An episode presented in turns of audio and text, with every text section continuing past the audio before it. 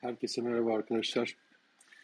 Ee, bu akşamki konumuz akıllı sözleşmeler itibariyle, blockchain tabanlı akıllı sözleşmeler itibariyle oyun sektöründeki kullanım e, şekli ve işte e, mevcut oyun sektöründeki e, kullanım şekillerini ne şekilde değiştireceği. E, bu akşam evet arkadaşlar da yavaş yavaş geliyorlar ama ben başlayayım hani süreyi kaçırmamak adına. Sonrasında da diğer arkadaşlar da ihtiyaç duydukça kendileri peyderpey katılırlar. Şimdi önce bir e, bu hafta bu konumuz bu olduğu için biraz böyle yaptığım okumalarda şeyi anlamaya çalıştım. Hani bizim hayatımıza ne kadar dokunuyor? Ben kötü bir şeyim, kötü, kötü bir müşteriyim oyun sektörü için. Yani çok fikrim de yoktu açıkçası. Okudukça da şaşırdım. Ee, ama şeyi anlamaya çalıştım. Yani Türkiye'deki ekonomik büyüklüğü nedir? Yani bu, bu hani sektör demeyi hak ediyor mu veya ne kadar hak ediyor? Nasıl bir büyüklük ve hacim üzerinden konuşuyoruz? E, aldığım notlara göre e, bir yaklaşık yani bugün itibariyle 2021 yılında bir e, rapor yayınlanmış oyun sektörüyle ilgili. O rapordan görebildiğim kadarıyla e, bir 880 milyon dolara ulaşmış bir hacimden bahsediyoruz. Bunun kırılımına baktığımızda da bunun 450 milyon doları mobil oyunlardan, işte 230 milyon doları bilgisayar ve 200 milyon dolar kadar da konsol oyun pazarı e, söz konusuymuş. E, Türkiye'nin nüfusu 83-84 milyon ve bunun 35-36 milyonu mobil oyuncu, 22 milyonu bilgisayar oyuncusu, 17 milyonu e, konsol oyuncusu e, olarak kayıtlara geçiyor. Bunlar ne kadar sağlıklıdır bilmiyorum. Hani bazen birden fazla kullanıcı ismiyle de girmek mümkün olduğu için onu elimine etmişler mi bilmiyorum ama eğer elimine edilmiş haliyle ise müthiş bir rakamdan bahsediyoruz. Yani neredeyse nüfusun yarısı oyun oynuyor. Ee, bu, bu, bu da ilginç bir şey. Benim mesela aklıma dahi gelmezdi. Ee, hatta şeye bir demografik açıdan bakmışlar e, olaya ve oyun oynayanların yüzde kırkı yüksek gelir grubundan, e, yüzde otuzu orta ve kalan yüzde otuzu da işte düşük gelir grubundanmış. Yani düşük gelir grubundan e, insanların da yani azımsanmayacak oranda yani yüksek gelir grubuna göre azımsanmayacak oranda oyun oynuyor olması da e, son derece enteresan. Bu oyunların aslında erişilebilir olmasıyla da ilgili bir şey. Çünkü aşağı yukarı herkesin bir elinde telefon oluyor, bir smart telefon oluyor. Ve onun üzerinden işte oyunlara erişiminiz e, son derece kolay. E, yapısına baktığımızda da hani ekonomik işleyiş itibariyle bunlar nasıl gelir elde ediyorlar, nasıl bir gelir modeli üzerine çalışıyorlar. Türkiye'deki örnek üzerinden yüzde üçü sadece bu oyunların ücretliymiş. %87'sinin ise reklam geliri varmış. Yani, yani dikkat ederseniz 3 artı 87 gibi düşünmeyin. E, temel gelir modeli işte ücret olan e, oyun sayısı e, sadece %3. E, toplam oyunlarında sadece %87'si reklam geliri elde ediyor. Bu, bunlar arasında ücretli olup reklam sergileyenler de olabilir. Yani öyle algılamak gerekiyor. Ama esas itibariyle baktığımızda reklam gelirleriyle e, yaşayan bir sektörden bahsediyoruz netice itibariyle. E, bu şeyi de yani bunun etrafında dönecek hukuki konuları tartışmak açısından da önemli. E, çünkü bir reklam anlaşmasıyla işler yürüdüğü için dolayısıyla bu sektörde şey yapan nasıl söyleyeyim yer edinecek e, akıllı sözleşmelerinde bu e, reklam ilişkisini bir şekilde başarılı çözmesi gerekiyor. Yani kalıcı olabilmesi açısından reklam verenle reklam alan arasındaki ilişkiyi şeffaf, kalıcı, güvenli bir halde tutması gerekiyor. Bu noktada da hani bu şeffaf, güvenli, kalıcı diye söylediğimizde aklımıza hemen blockchain geliyor. Yani blockchain'e e, atfettiğimiz, e, biçtiğimiz e, roller genelde bu hani üç tane kriterle özetleyebileceğimiz türden. E, biz başka sektörlerdeki uygulamaları da konuşurken şunu söylemiştik. Yani örneğin şu an medya sektörüne baktığımızda eğlence sektörünü tartışırken söylemiştik. Belli rating ölçümleri var ama bunların örneklem sayısı, son derece sınırlı, manipülasyona açık. Dolayısıyla bunun ne kadarı, e, ne kadar sağlıklı işte bilmek çok mümkün değil demiştik. Hatta şu an ben demin anlatırken de bir sektör raporu var ülkemizle ilgili. Oradan rakamları vermiştim sizlere. Orada dahi ben de şunu söyleme ihtiyacı duydum. Hani acaba birden fazla kullanıcı ları da elimine ettiler mi bu rakamları oluştururken değil mi diye. Çünkü oradan yeterli bir veri veya bilgiye veya kanaate ulaşamıyorsunuz. Ama blockchain tabanlı bir akıllı sözleşme üzerinden siz aslında e, oyunun niteliği de yani türüne göre de değişiyor ama misalen işte interaktif ve online oynanan bir oyunsa o oyunu işte kaç kişinin denediği, e, unique olarak kaç kişinin olduğu, işte e, gün içinde veya belli periyotlarla kaç kez girilip çıkıldığı falan bunlar net bir şekilde e, yanılgıya falan veya yanıltmaya mahal vermeyecek şekilde net bir şekilde ortaya konabilecek. Yani daha şeffaf, güvenli ve kalıcı bir e, ortam söz konusu olacak. E, şey e, bu önemli olan yanlardan bir tanesi bu. Yani e, reklam veren ile reklam alan arasındaki e, ilişkiyi nasıl etkileyeceği önem taşıyor. Blockchain tabanlı akıllı sözleşmeler devreye girdiğinde. Bir diğer husus da hemen benim de aklıma gelmişti ve okuduğum metinlerde de çokça şey vardı. Bu tokenizasyona da hız verecektir diye düşünüyorum. Yani bunlar birbirini besleyeceklerdir. Blockchain tabanlı akıllı sözleşmeler zaten gelişmekte olan oyun sektörüne e, katkı sunacak. E, buna mukabil oyunlarda da işte başarı kriteri olarak alınan ödüllendirme sistemi anlamında verilen ödüllerin token olarak verilmesi ve bu token derken de illa kripto varlık olmak durumunda değil ama e, konumuz olduğu için kripto varlık olarak niteleyebileceğimiz tokenların kullanımı yaygınlaşacaktır. Dolayısıyla da aslında oyun sektörünün de benzer bir şekilde, bahise benzer bir şekilde e, bu tokenizasyon sürecine e, hız kazandıracağını ben, ben açıkçası düşünüyorum. Bir, bir diğer husus da benim yine aklıma geldiğim ben böyle artık böyle bir adet edindik. Ben böyle başlangıçta sayıyorum sonra tek tek arkadaşlarım istedikleri e, konu başlıklarına biraz daha detaylı değiniyorlar. Benim rastladığım hususlardan bir tanesi ki şahsen de şahit olduğum geçmişte bazı ihtilaflar nedeniyle e, şahit olduğum case'ler de olmuştu. E, oyun kurucular veya oyun geliştiriciler arasında da yoğun bir rekabet ve bu rekabete bağlı olarak da ihtilaflar da doğuyor. Bu ihtilaflar da yani temelde fikri haklar çerçevesinde oluyor. İşte oyunun görseli, e, kullanılan işte e, içerik itibariyle birinin diğerini kopyalaması e, gibi ithamlar son derece e, şey yaygın. Ama blockchain tabanlı e, bir akıllı sözleşme sisteminde yani burada da hep şunu söylüyoruz zaten. E, muhtemelen yine bir portal tarzı bir e, işlevi olan akıllı sözleşmeler, uygulamalar devreye girecek. Yani siz e, bir nevi nasıl App Store üzerinden uygulamaları indiriyorsanız oyun oynamak için de bir akıllı sözleşme sistemi e, ile çalışan bir uygulama indirip oyunlarınızı onun üzerinden e, oynamanız söz konusu olacak. İşte o oyunları onun üzerinden e, oynadığınız e, takdirde de e, büyük ölçüde bu hani birbirinden işte nakil, imitasyon, taklit vesaire gibi suçlamalar da ortadan kalkacaktır. Neden? Çünkü e, akıllı sözleşme o oyunla bağlantı kurduğu an itibariyle yani o oyunun geliştiricisi, bu akıllı sözleşmenin geliştiricisiyle anlaşma yaptığı itibariyle zaten oyun bir analizden geçecektir. Dolayısıyla da fikri haklar itibariyle şey olan, nasıl söyleyeyim, e, müphem olan, muğlak gibi görünen yönlerinin düzeltilmesi talep edilip ondan sonra devreye çıkacaktır. Çünkü e, eğer bunu akıllı sözleşme geliştiricisi yapmazsa bir şekilde o oyuna pazar sunması itibariyle bir anlamda kendisi de sorumluluk alacak. E, ve işte fikri hakları ihlal edilen taraf ihlal eden dışında ona pazar ve yer sunan tarafı da dava edebilir. Yani belli koşullar sağlanması şartıyla. E, do, dolayısıyla o akıllı sözleşmenin geliştiricisi zaten bu tedbirleri başlangıçta yapacağı analizi alacaktır.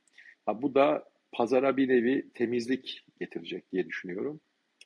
Yani sektörü iyi bilmemekle birlikte hani rastladığım olaylar itibariyle hakikaten taklit vesaire gibi suçlamalar birbirlerine çokça yapılıyor. Hatta şuna da denk geldim ben hani sektörün büyüklerinin aslında çok da şey olmadan e, çok da haklı olmaksızın sektördeki küçüklerin üzerine e, bir bullying tarzı böyle bir e, nasıl söyleyeyim tahakküm etme çabaları da oluyor ve suçlamalar da işte fikri haklarımız ihlal ediliyor tarzında oluyor. Mesela evrensel bir oyun atıyorum örneğin diyelim bir tavla tavladır altı üstü. Yani işte tavlayı nasıl değiştireceksiniz ki? İşte pullarla oynanır zar atılır ee, ama suçlamalar şu şekilde geliyor. Sen benim tavla oyunum. Halbuki tavla oyunu kimsenin oyunu değil netice itibariyle. İşte orada logolara, kullanılan renklere, işte e, yönlendirmede kullanılan ifadelere falan e, dayanarak e, ithamlar ileri sürülebiliyor. Yani e, dolayısıyla e, blockchain tabanlı akıllı sözleşmeler e, devreye girdikten sonra da oyunlarla ilgili fikri hakların ciddi haklara dair itilafların önemli bir kısmı e, giderilmiş olacaktır. Yani peşinen çözülmüş olacaktır. Önden yapılan analiz ve tarama sayesinde, kontrol sayesinde. Ama buna rağmen hani akıllı sözleşmelerle ilgili hep söylediğimiz bir şey vardı. Geçmişte tespit veya alacak davaları yerine menfi tespit davaları e, şey yap, yaygınlık kazanacak diye. Yine e, bu oyun sektöründeki akıllı sözleşme uygulamaları ile ilgili de ileride biz daha çok böyle menfi tespit davaları göreceğiz gibi geliyor. Benim giriş olarak anlatacaklarım e, bundan ibaret sorusu olan veya sözü olan arkadaşlar buyurabilirler. Buyurun.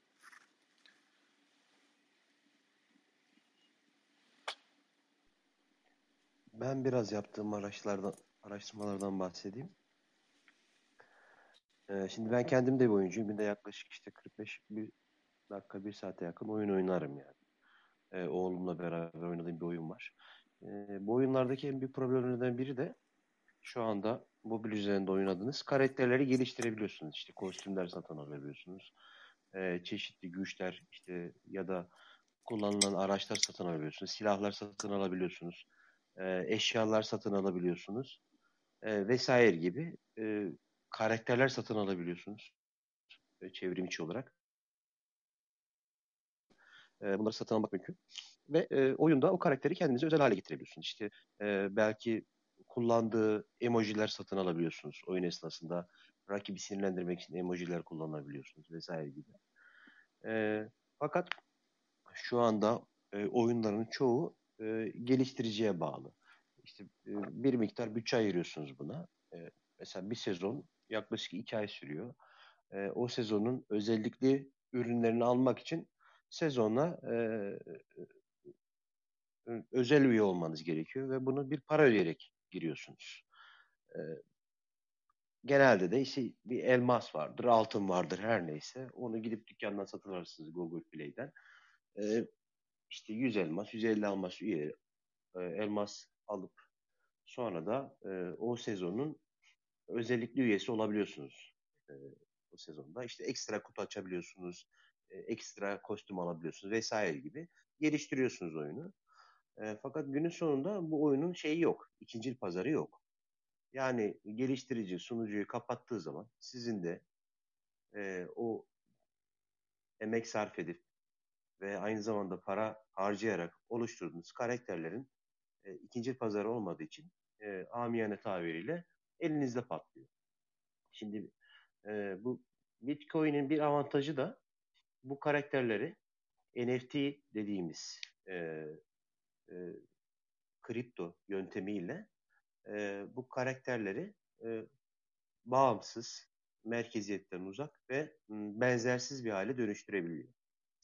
E, bu bu teknoloji yani kripto teknoloji, Bitcoin e, ve işte Ethereum üzerinden olsun ya da diğer işte blockchain teknolojileri üzerinden olsun yapılan geliştirmelerle NFT'ye dönüşen bu karakterleri bağımsız olarak oyunun içinde satma, devretme e, hakkına sahip e, olunabilir ki e, buna benzer işte örnekler de var e, yapılan. Hatta e, bir bir oyun var ismini bir saniye not almıştım söyleyeceğim. Filipinler'de epey meşhur olmuş bu oyun. Axie Infinity diye. E, bu şey Pokemon'a benzeyen bir şey e, oyun. Ve aynı zamanda bir tane daha oyun var. E, CryptoKitties diye. Bunlar blockchain tabanlı oyunlar. E, benim bahsettiğim gibi NFT tabanlı çalışıyor ve karakterleri insanlar oturup geliştiriyorlar. İkinci pazarı var, satabiliyorlar. Filipinler'de e, gençler arasında yan iş hatta tam zamanlı iş haline dönüştürenler bile varmış. Ayda işte 2000 dolar e, gelir elde edebiliyorlarmış gibi Filipinler için iyi bir para birimiymiş geçim için. E, NFT yoluyla e, bu, bu oyunların blockchain tabanlı olarak ve bu karakterlerin alınıp satılması, işte bir takım özelliklerin alınıp satılması bu oyuna çok ciddi bir şey yapacak. E, katalizör etkisi gösterecek, geliştirecek. E, yavaş yavaş da blockchain tabanlı oyunlar artmaya başlamış. Ve oradan işte... Ya burada biraz şey gibi bir olay var. Hani izleyenler belki hatırlarlar. Metin Oktay'ın hayatını işte anlatan bir Yeşilçam filmi vardır. Metin Oktay'ın kendisi oynamış. Yetişkinlik dönemini. Orada da mesela ilk dönemde babası bakkal sanırım ve topla oynadığı zaman tokadı yiyor. Yani işte Hı. futbolcu adam, topçu adam işte ekmek parası kazanamaz falan filan diye. Evet. Sonrasında tabii Metin Oktay'ın sonraki hayatı. Şimdi bu, siz bunu anlatınca benim de aklıma şey geldi. Yani aslında oyun oyunlar genelde ebeveynler tarafından özellikle şey diye bakılır. Hani zaman tüketen vakit kaybı. Ve vakit kaybı bir şeyi de yok, bir faydası falan filan da yok ama şimdi sizin anlattığınız şeylerle yani deneyimler gösteriyor ki aslında oyunlar gelir kaynağı da olabilir. Hatta bunun evet, sadece geliştiriciler yönünden değil, evet. e, oynayanlar yönünden de bir gelir kaynağı haline dönüşecek. E, çünkü başka türlü zaten tutunamayacaklar yani. Bunu e, ben de oynadığım için biliyorum. Mesela hep aklıma şey geliyor. Bir tane oynadığımız oyun var benim oğlumla. E, ikinci piyasasına bakıyorum. Hesabını devretmen gerekiyor. İşte 2000-3000 liraya devredebiliyorsun. Ama şey yok hani komple mailini vesaire hepsini vermen gerekiyor. O benim işime gelmiyor tabii ki. Yani öyle bir şey e, yapmak. E, hatta aklımdan şey geçiyordu. Davam mı acaba? Çünkü bana ait o hesap. Oradaki karakterler de bana ait.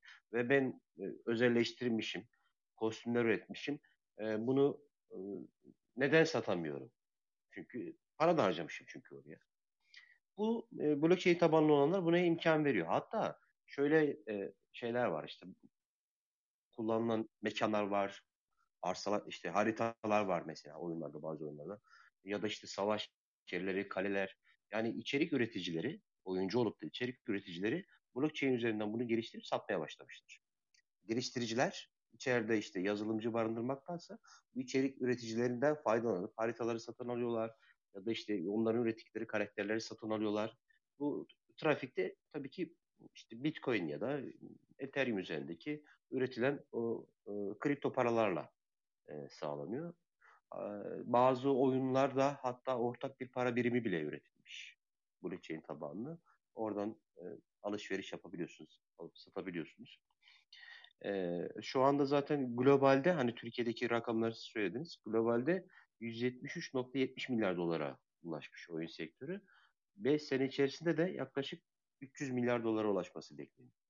E, bu tahminlerdeki en büyük şey de bu blockchain teknolojisinin gelişmesi ve oyuna oyuncuların da aktör olarak girmesi.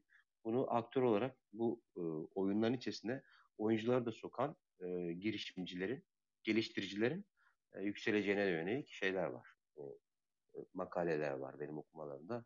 Bunlar var en öne çıkan. Şimdi o büyüklüğe bakarsak 176 milyar dolarlık bir e, e, global hacimde Türkiye'nin 880 hadi bir diyelim olması dünyadaki de 145 ülke olduğunu düşünürsek daha bence şey Türkiye'nin alacağı mesafe bir hayli var.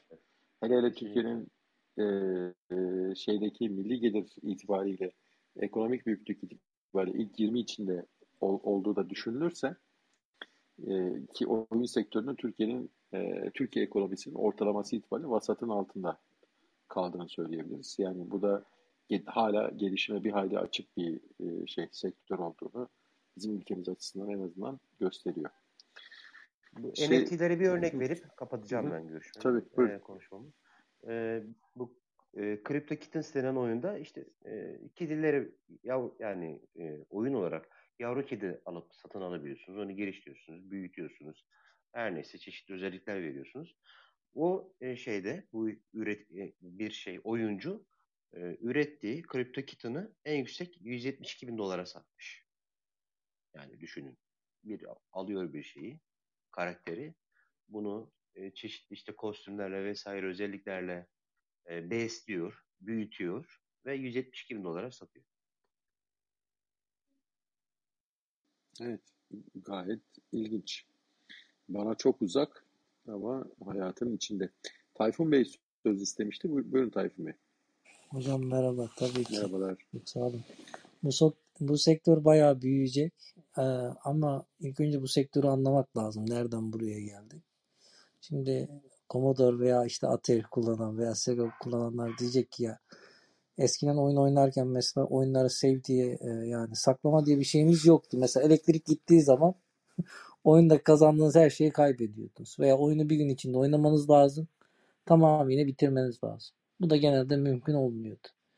İlk önceleri bu sorunu çözmek için ne yaptılar? Mesela işte e, hafıza kartlarını üretti e, Sony. Ve aynısını şey de yaptı. Sega da yaptı. Tabii ki bu size o zaman şey vermiyordu. Yani oyunu bıraktığınız yerden devam edebiliyordunuz ama yine de tam bıraktığınız yerden değil. Mesela işte o save yaptığı zaman checkpointler var mesela her 30 dakikalık falan. O yerden başlıyorsunuz. Yine de zaman kaybediyordunuz. Aynı zamanda şunu da vermiyordu olay. Olay mesela işte siz Sega'da oynadınız ya bu olayı gidip bunun sonunda yapamıyordunuz aynı hafıza kartıyla. Bu oyunculara büyük bir sorun getiriyordu. Ama ne yazık ki işte internetin gelmesiyle ne oldu? Mesela insanlar e, oyunlardaki işte her şeyi sev yapmaya başladılar. Ama bu da yine sorunu çözmedi. Blockchain'deki mesela bu NFT üzerinden bu sorun çözülecek mesela işte hangi kılıcı falan aldıysanız işte kalkanı falan veya hangi özellikler varsa işte hangi kaç tane canınız varsa işte kaç tane işte mücevheriniz varsa bunu e, platform independent olarak yani ister Sony'de oynadınız ister işte Strata'da oynadınız Google'ın veya başka bir platformda Xbox'ta her yere aktarabileceksiniz.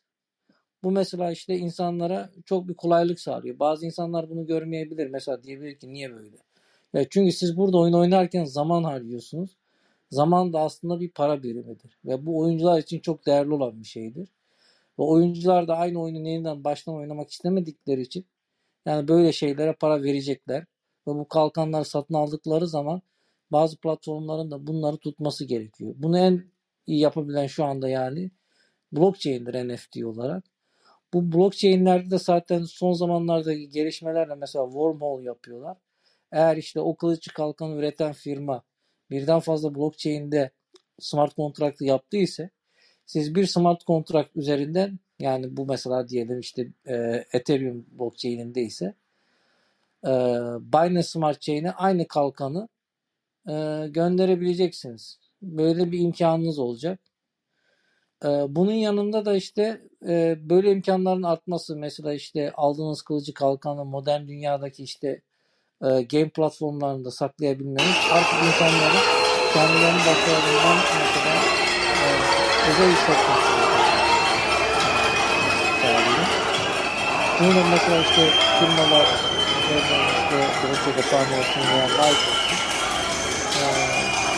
oyundaki yani oyun, oyunculara imkanlar sunuyor. Ya diyor sen diyor standart bir ayakkabı almaya gerek yok ya. Benim ayakkabım var diyor. Bu ayakkabıları almaya da zaten oyunda belki sizin platformda oynuyorsanız kendinizi diğer e, daha özel hissediyorsunuz. Daha farklı oluyorsunuz. Böyle de bir imkan e, sunuyor yani.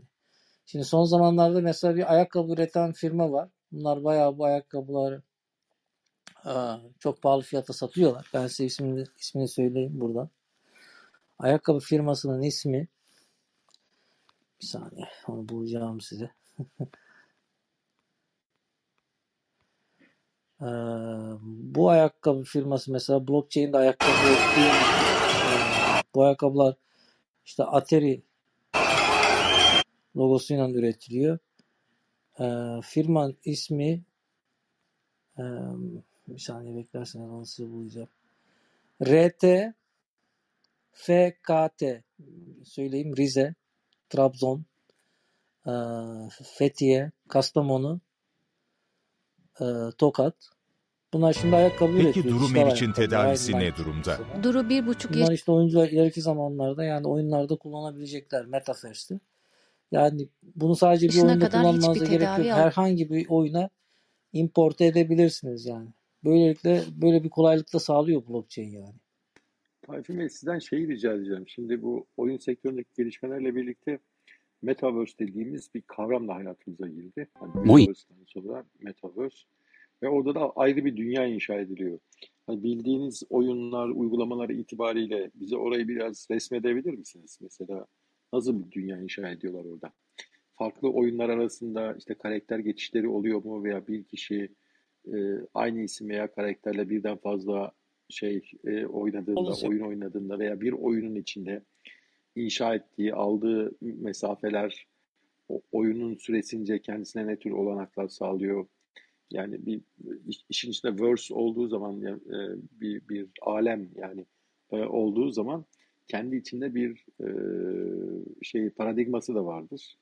E, do- Dolayısıyla o metaverse dediğimiz şeyi oyunlar nasıl oluşturuyor? Biraz anlatabilir misiniz bize?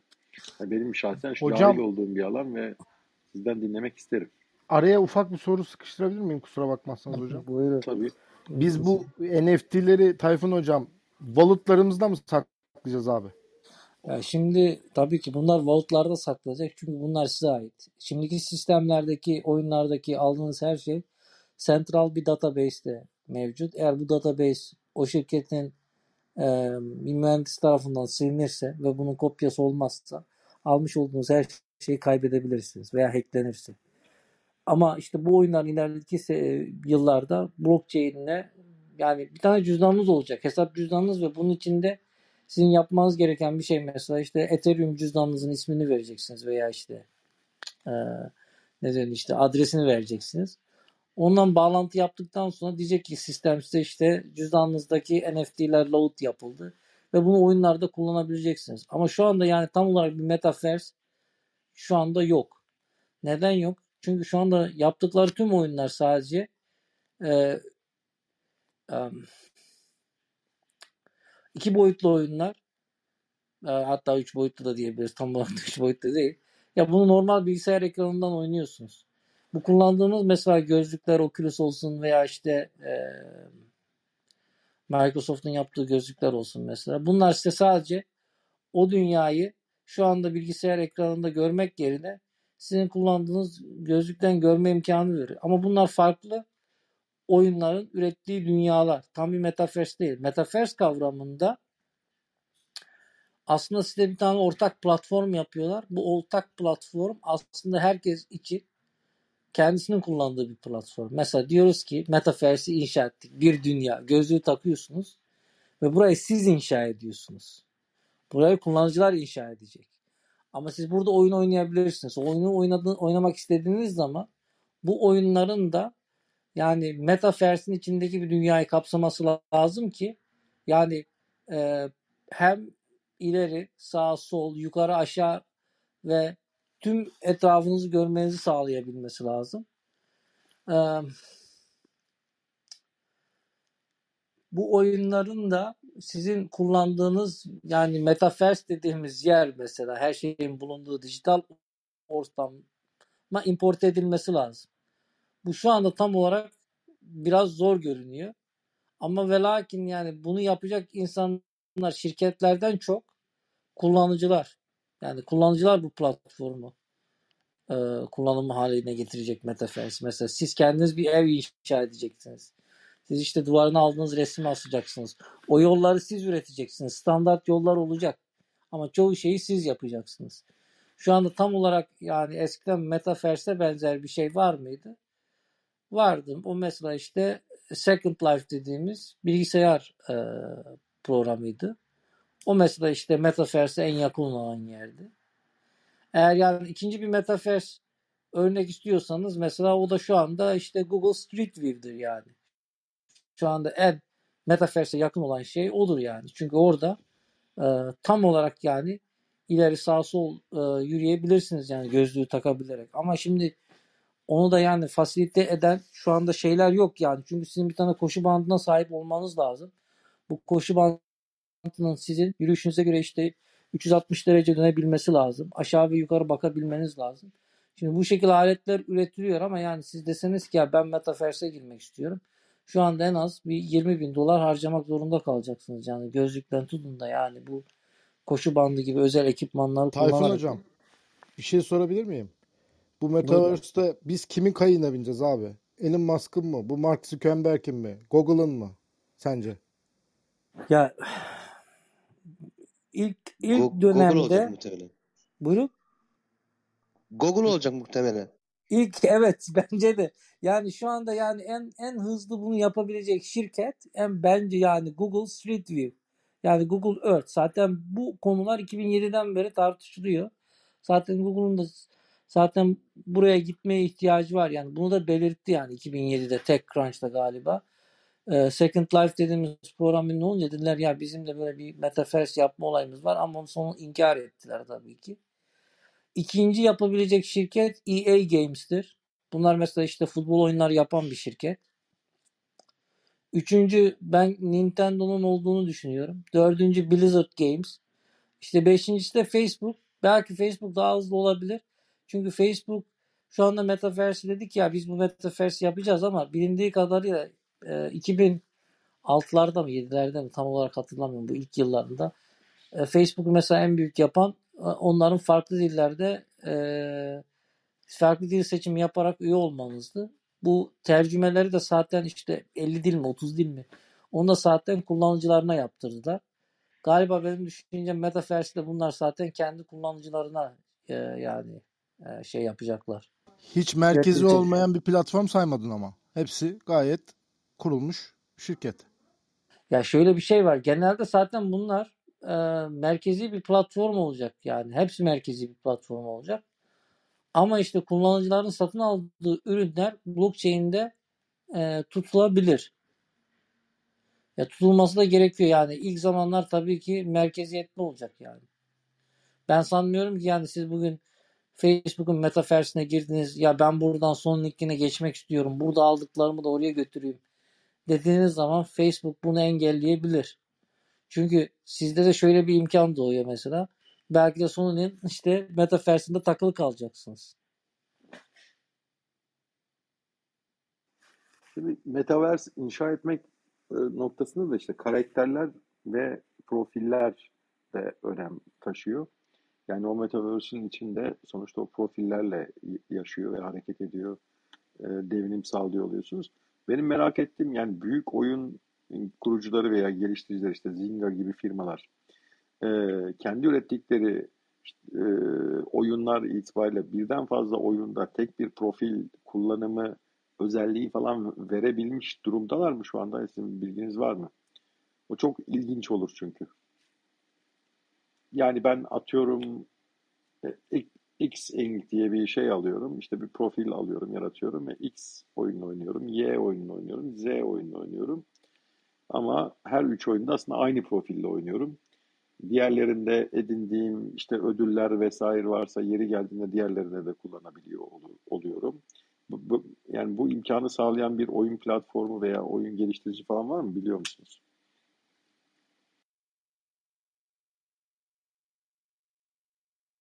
Hocam şu anda galiba tam olarak mümkün değil. Mesela siz bugün poker oynadınız. Pokerde o e, fişleri kazandınız. Ya ben yarın Farmville oynayayım. Bu e, aldığım fişleri orayla değiştireyim olayı şu anda yok. Ama işte Yok, gideceği yer olay, burası. hayır, hayır, olay, evet, evet, or- oraya gidecek de hani o tokenizasyon sürecinde diyelim ki ödüller bir şekilde tokenize olduktan sonra Evet, bir evet. kripto var bir değişim aracı olarak kullanacak. O ayrı bir. Benim merak ettiğim şey şu yani bir şeye universe, bir metaverse doğrusu söyleyebilmek için içinde de birilerinin yaşıyor ve deviniyor olması Ah, lazım. şimdi Hareket hocam bakın lazım. Evet. orada da şu terim ortaya çıkıyor. Bak şimdi dediğinizi anladım.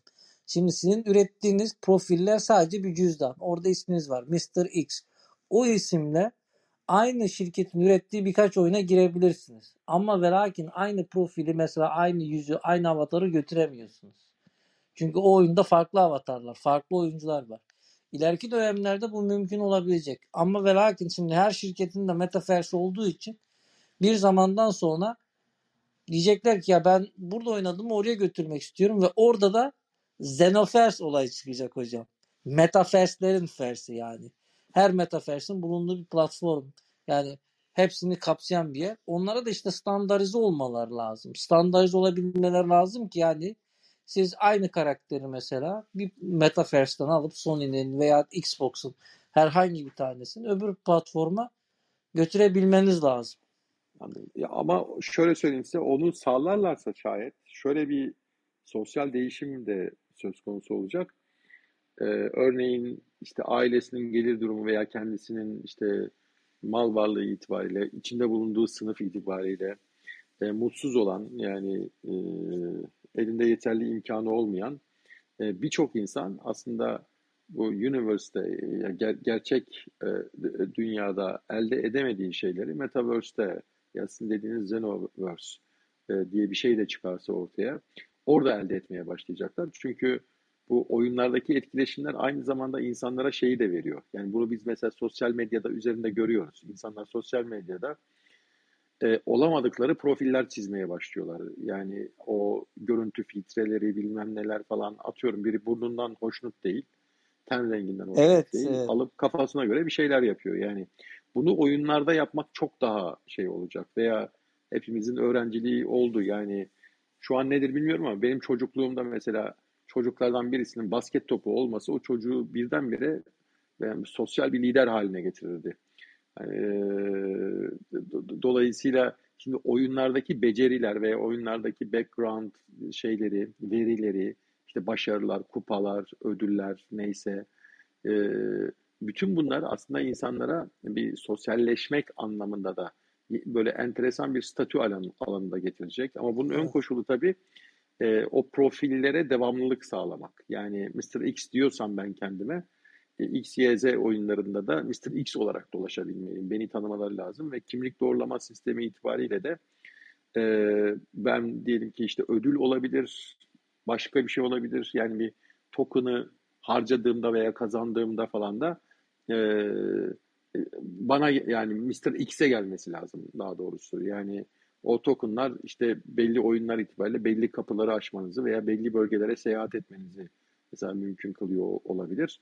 Evet, ama bunlar bir Mr. X'te toplanırsa anlamda öbür türlü her oyunun kendi içinde küçük bir şey e, olduğunda da bir metaverse inşa etmeye e, çok da gitmez gibi geliyor bana. Ama hocam işte standartlar çok önemli. Şimdi bu burada mesela Facebook'un yapmak istediği şu. Diyor ki ya diyor ben diyor ilk başta bunu ben yapayım diyor. Tüm oyuncuları da buraya kilitleyeyim diyor. Şu andaki yaptıklar emin değilim. Bir saniye hocam. Saat konuşur.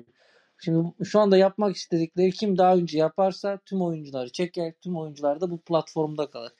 Bir yönden şöyle de çok büyük bir tehlike var bu Metaverse'te.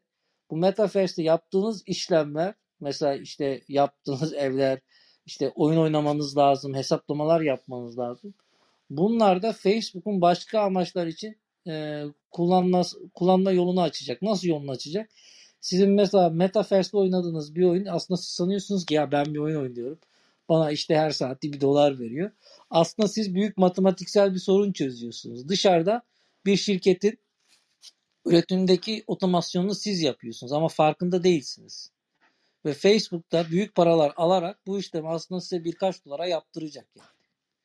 Bunun aynısını mesela 2008'de görmüştük. Bir tane oyun vardı puzzle oyunu. Orada mesela e, Manchester'da galiba bir tane hastanedeki matematiksel bir sorunu e, puzzle oynamayı seven insanlara çözdürdüler mesela. Bir bilgisayar işte kaç sene sürecek olayı. Bunun bir tane İngiltere'deki işte e, oyun hobisi olan bir tane adam çok kısa sürede bir çözmüştü yani. Metaverse'i de çok kötü bu şekilde kullanabilirler yani Facebook olarak. Doğru. Kötü değil aslında. iyi tarafından bakalım. Şey de olabilir. Yani yapay zekanın öğrenme süreçlerinde de Metaverse iyi bir şey olabilir. Ama hocam sizin ee, burada karınız olmayacak. Sizin karınız çok az olacak. Yani kötü dediğim Facebook'un yani buradan yani çok büyük paralar kazanmasına yol açabilir yani. Bu bilgisinden de paylaşmasına gerek yok yani. Siz oyununuzu oynayacaksınız, paranızı alıyorsunuz. Hı hı hı. Ama, ama bu öyledir oyunda ya. Ama öyledir evet. ya. Yani sonuçta yani koyun da güderseniz bu sözüm yanlış anlaşılmasın. Yani koyunlar sonuçta otlarken e, o gütme sü- sürecinde o ottan faydalanıyorlar. Hayatlarını sürdürüyorlar. Evet. işte besleniyorlar falan filan ama o, o otlamanın ötesinde daha büyük bir amaç var. Yani adam da günü geldiğinde koyunu alıp kesip evet e, yününden, etinden, sütünden her şeyinden faydalanıyor netice itibariyle. O yüzden garip de görmüyorum yani Facebook veya diğer böyle işte sosyal medya devlerinin e, her imkandan farklı faydalar çıkarmaları. O, o anlamda bir düşmanlık da beslemiyorum ama hukukun sınırları var tabii. Orada kişisel verilerin işlenmesi, saklanmasına ilişkin kurallara uymaları gerekiyor. Mahremiyete, özel hayatın mahremiyetine saygı göstermeleri gerekiyor. Kötü amaçla kullanmamaları gerekiyor. Bunlar da onların sınırları tabii ki. Ama elde ettikleri o e, big data'yı da elbette kullanacak adamlar. Çünkü o devasa organizasyonu, argeyi, işte kaynakları da boşuna şey yapmıyor. Yani mesela Facebook gibi bir girişimin başında olmak Zuckerberg açısından ciddi sorumluluktur. Yani kimse de durup dururken böyle dünya kadar bir sorumluluğu da almaz üzerine. Ben oralara takılmıyorum o yüzden. Hocam ama veriyi çaldırınca da yan çizmeye başarıyor arkadaş. Ama cezası var. Cezası var. Yani orada işte becerikli savcılar olacak ve cezasını verecek. Yani dünya artık öyle bir dünya. Yani Türkiye'de öyle para cezası da var, hapis cezası da var. Amerika'daki yasaları bilmiyorum ama yani enselendiği zaman eğer orada bir ihmali, hele ağır ihmali olduğu görülürse ya, hapis dahi yatabilir. Hocam o sorunu yargılandığı şeylerin detayını bilmiyorum ama. Buyurun. Hocam o sorunu mesela işte contractors olayından çözüyorlar zaten hocam. Facebook zaten büyük firmalarda şöyle bir şey vardır hocam. Yani yapacağınız riskli işleri siz yapmazsınız. İkinci veya üçüncü bir firmaya verirsiniz. Ama yok yok. Bakın evrensel bir kural var. Yani Türk hukukunda da var. Birçok hukuk çevresinde de vardır. Kamu, kamu, kamu hukukunu ilgilendiren yönler itibariyle sizin özel sözleşmelerle sorumluluğu devretmeniz geçersizdir. Mesela başka bir örnek vereyim daha anlaşılır olsun diye. Siz müteahhitsiniz. Bizim 63 63 83 müydü? Yasa numarasını şu an hatırlayamadım bir an. Ee, şey var bu e, işçi sağlığı ve e, iş yeri güvenliği yasa, yasamız var bizim. E, orada açık hüküm de var ki bence öyle açık hüküm yazmaya da gerek yok. Bu genel hukuki bir kaidedir e, siz sorumluluğu özel sözleşmelerle örneğin iş güvenliği firmalarına devretseniz dahi oradaki iş sahibi sorumlu olmaya devam eder. Burada da aynı şey geçerli. Yani bir Facebook atıyorum riskli işleri e, taşeronlarına de, devrederse de o sorumluluğu kalmıyor. Amerika'da da bunun farklı olduğunu açıkçası düşünmüyorum. Çünkü e, tam tersine Amerika'daki o kamu alanındaki şeyler e, daha hassastır. Mesela e, örnek vereyim size. İşte bütün sözleşmelerde sorumluluğun sınırlanması maddesi bayağı bir tartışılır. Günler boyunca tartışılır. E, ama Amerika'da örneğin sorumluluğu çok net sınırlasanız dahi sözleşmede yani sözleşme kurduğunuz taraf itibariyle e, diğer taraf nezdinde örneğin ben yaşadığım bir şeyi söyleyeyim. Örneğin işte güç trafosu üretiyorsunuz, gönderiyorsunuz. Trafo patlıyor.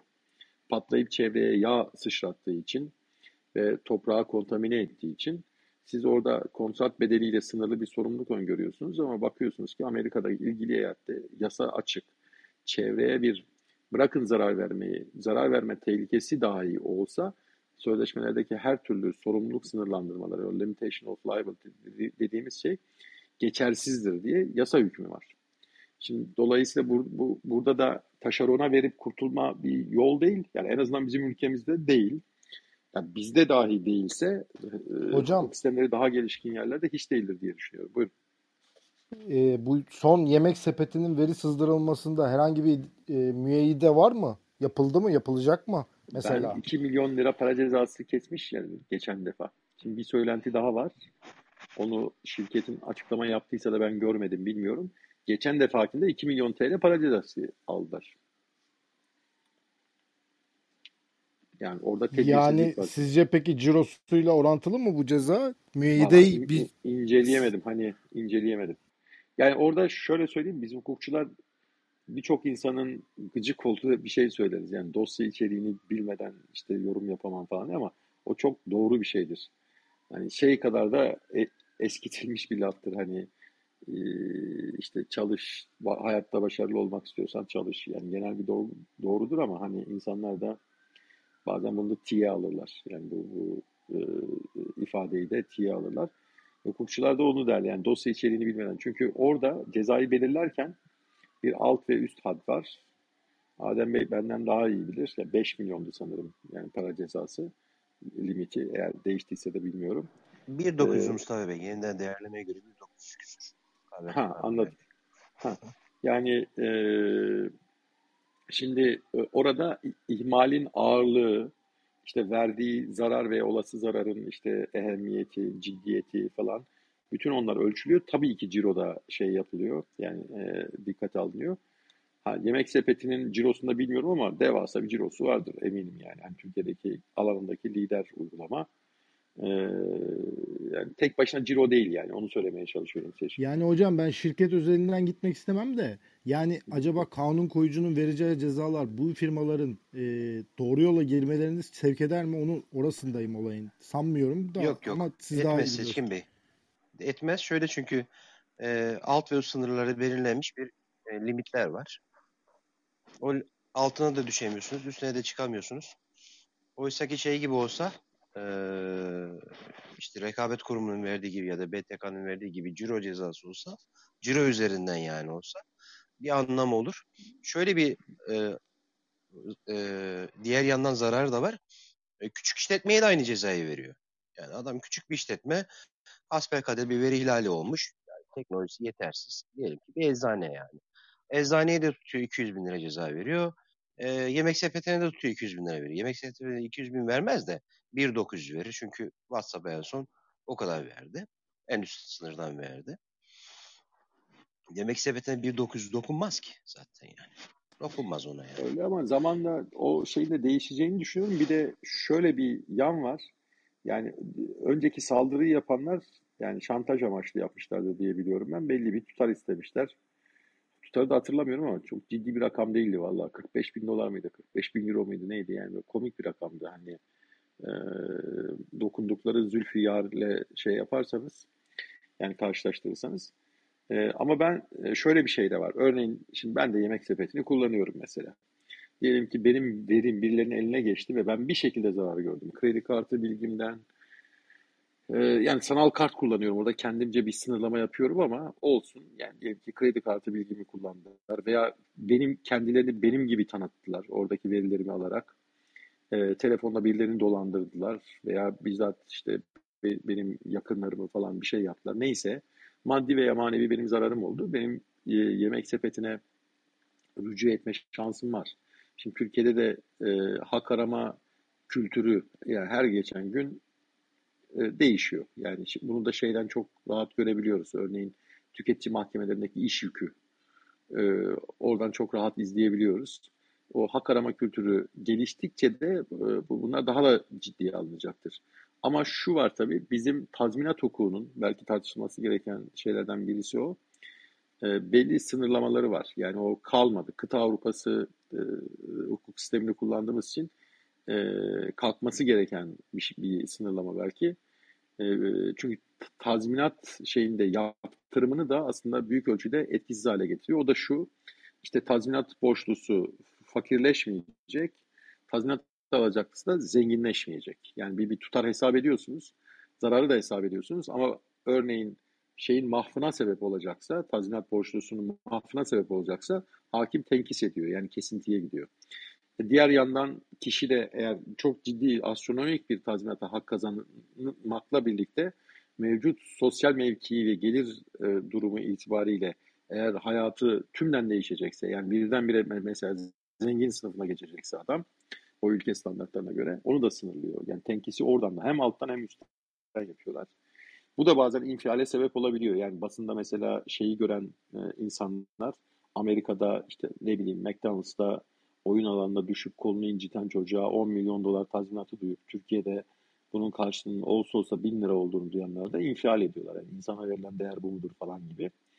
Bu biraz sistemle ilgili bir şey. Belki e, yani şikayetler, şeyler mesela işte Yaşayan Hukuk Derneği de biraz onun için var. Yani hukukumuzu geliştirmek için bir sivil toplum kuruluşu netice itibariyle bu hak arama özgürlüğü konusunda daha fazla bilinç ortaya konursa, bu, bu konuda da bir kamuoyu oluşursa bakarsınız bizim borçlar yasasındaki o e, hükümlerde değişiverir. O zaman daha farklı olur. O zaman papuç pahalı olur. Yani demin tartıştığımız örnek üzerinden birileri verilerini kaptırırsa gerekli tedbirleri almayıp yatırımları yapmadığı için yıkıcı tazminat korkusuyla daha sıkı alır işlerini. Bu biraz bizim yani e, hukukumuzdaki o genel hükümlerin borçlar yasasındaki bir şey, bir kısıt. E, değişmez de değil. Yani bir kanun koyucu bunun artık vatandaş üzerinde bezdirici veya böyle rahatsız edici etkisini fark ettiğinde veya işte sivil toplum örgütlenip bunu kanun koyucuya bir şekilde ifade ettiğinde dernekler vasıtasıyla, platformlar vasıtasıyla o sınırda kalkar.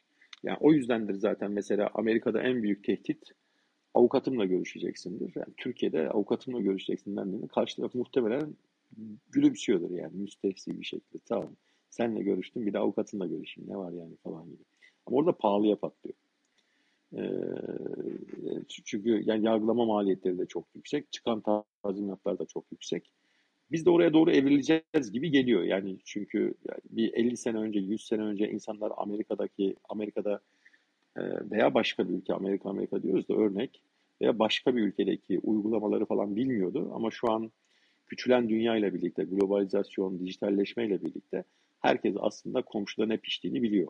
Başka başka ülkelerde ne yaşandığını biliyor. Yani işte iç savaş yaşayan ülkelerin halini de görüyoruz. İşte ekonomisi ileride olan ülkelerin halini de görüyoruz. Dolayısıyla bizde de bir şeyler değişecektir diye düşünüyorum ben açıkçası. Buradaki en büyük problem şu esasında bizde e, sınıf davalarının önü kapalı. Sadece tüketici işte e, dernekleri vesaire gibi tespit niteliğinde bir dava açabiliyorlar. Sınıf davalarının önü açılırsa orada da tabii ki eksisi artısını tabii ki iyi tartmak lazım. Bazı sınıf davaları da e, firmaların ekonomik mahfına neden olabiliyor. E, ama bu kurguda, kişisel verilerin korunması kanunundaki şu, mevcut kurguda sadece kurum kazanıyor, firma cezalandırılıyor. Asıl verisi ihlal edilen, mağdur olan tüketici dediğimiz yani işte gerçek kişi, ilgili kişinin hiçbir şey yok. Menfaati yok. Çünkü o 100 liralık, 200 liralık, 300 liralık, 400 liralık bir zarara uğramıştır. Kredi kartından farkında olmadan çekilmiştir. Onun için dava açmaya tenezzül bile etmiyor. E, dava açsa masrafı daha fazla. Oysa ki işte bu sınıf davalarının önü açılsa ya da kanunda şöyle bir değişiklik olsa ihlalden kim etkilendi? 25 milyon kişi etkilenmiş mesela. Yemek sepetinde öyle hatırlıyorum. Bu ihlalden etkilenen kişilere sen tespit edip şu kadar tutarda bir bedelde ödemek durumundasın. Çünkü adamın ne de olsa işte adresi gitmiş. Tamam finansal bilgileri gitmemiş benim incelediğimde öyleydi. İşte adı soyadı gitmiş. IP bilgisi gitmiş. işte konum verisi gitmiş. E, sonuçta bir kişisel verisi gitmiş birinin ellerinde dolaşıyor şu anda liste halinde.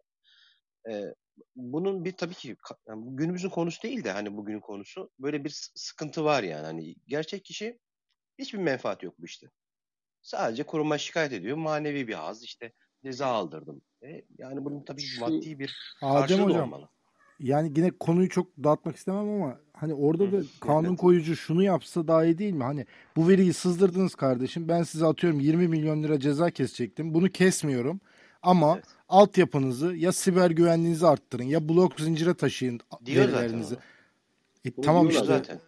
E, yapmıyor mu bu adamlar yani? Ceza yok ceza da kesiyor. Diyor ki aynı zamanda işte e, iki kademeli doğrulamaya atıyorum. Çünkü ben çok hani, teknikçi değilim ama işte e, sızma testini yap, işte CM kullan vesaire gibi bunları öneriyordu zaten. Talimatlandırma diye geçiyor buna.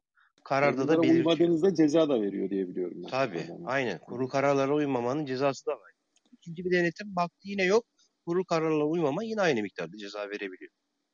Ama e, etkisiz kalmasındaki şey şuna benziyor biraz. Biz e, şu anki kişisel verilerin korunmasına dair mevzuattaki yaptırımlar biraz trafik suçundaki gibi. Hani trafiği tehlikeye sokan sürücüye nasıl trafik polisi sadece tespit edildiğinde bir para cezası kesiyor, trafik cezası kesiyor. Ama hayatı tehlikeye atılan kişiler netice itibariyle e, doğrudan bir yaptırımdan yararlanmıyorlar. Yani kamu sizin adınıza bunu yapıyor.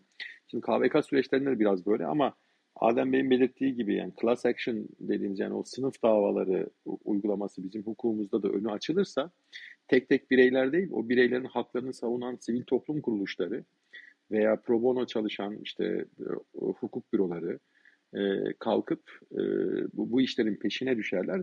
Düştüğünde de o ekonomik aktörler o işleri yapan şirketler pabucu daha pahalı e, görecekleri için de kendilerine çeki düzen verirler diye düşünüyorum. Yani öbür türlü demin konuştuğumuz örnekteki gibi yani kalkıp 1 milyar TL diyelim ciro elde edin.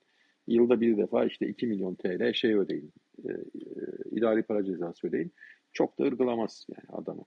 Ama bir class action'la e, karşılaşacağı zaman yani oradan kalkıp o 1 milyar TL'lik cirosunun 100, 300, 500 milyonunu e, işte kaybedeceği riski olduğu zaman yani işveren öyle bir titizlenir ki kişisel verilerin korunması biriminde mesela 3 kişi çalıştırıyorsa 33 kişi çalıştırmaya başlar. İşte lisanslı alacağı destek yazılımlarına yatırım yapmayan işveren bu defa oturur yani belki de bütçesinde ilk 3'e ilk 5'e giren kalemlerden biri haline getirir güvenlik yazılımlarını. E, bu, bunu zamanla görmesi lazım. Aşağıdan da bizlerin e, bu, bu bilinci işte dillendirmemiz lazım. Yani bu oturumları biraz da onun için yapıyoruz. Yaşayan Hukuk Derneği de biraz onun için var. Bunları dile getirirsek eninde sonunda birileri duyacaktır. Ee, şeyden evet biraz konu dağıldı ama güzel dağıldı bence. Yani sorun yok. Ee, şeyden Murat Bey sizin ekleyeceğiniz bir şey var mı? Ee, merhaba. İyi akşamlar öncelikle. Ben şimdi hepinizi dinledim. Hepinizin notlarını da aldım. Konuşmalarınız benim aslında söyleyeceklerimin özeti niteliğindeydi ama kısaca hani şöyle Adem Bey'in bu e, smart contracts ve oyunlar özelinde konuşmasında en başta ona bir değinmek istedim. E, mevcut oyunlarda Adem Hocam biliyorsunuz oyuna girerken bir takım kuralları kabul ediyoruz. Hesap oluştururken hatta hatta Eskiye bakarsak işte disketleri aldığımızda, CD'yi aldığımızda ya da bilgisayarı indirmeye başladığımızda bile aslında bir takım e, kullanıcı sözleşmeleri kabul ediyoruz. O sözleşmeler mevcut e, bizim şu anda konuştuğumuz işte blockchain tabanlı akıllı e, sözleşmelere uygun sözleşmeler değil tabi. E, dolayısıyla mevcuttaki oyunların da herhalde o altyapısının, hukuki altyapısının e, değişmesi gerekecek e, diye düşünüyorum. E, çünkü e, Metaverse tabii hani e, gaming industry diyoruz. Burada Metaverse almazsak olmaz ama Metaverse henüz gelmeden sadece bu bildiğimiz sıradan oyunların akıllı sözleşmelerle zenginleştirilmesi konusunda kalırsam e, örneğin bir futbol oyunuysa bu hani futboldaki oyunda amaç nedir? Karşı tarafı yenmektir. Ama siz akıllı sözleşmelerle farklı sözleşmeler, farklı oyun amaçları orada belirleyebilirsiniz. Eğer bu multiplayer bir oyunsa e, şunu yapabilirsiniz. Yani kalecinize gol yememesi için ya da tam tersi e, gol yemesi için bir sözleşme de yapabilirsiniz. Benim akıllı sözleşmelerden anladığım şey oyunun yaratıcısının koyduğu kuralların yerine hatta kuralları geçtim amaçların yerine farklı amaçların execute edilebileceği, uygulanabileceği kontratlar, sözleşmeler aklıma geliyor. Ee, burada Metaverse'e girmeden bu kadar söyleyebileceğim.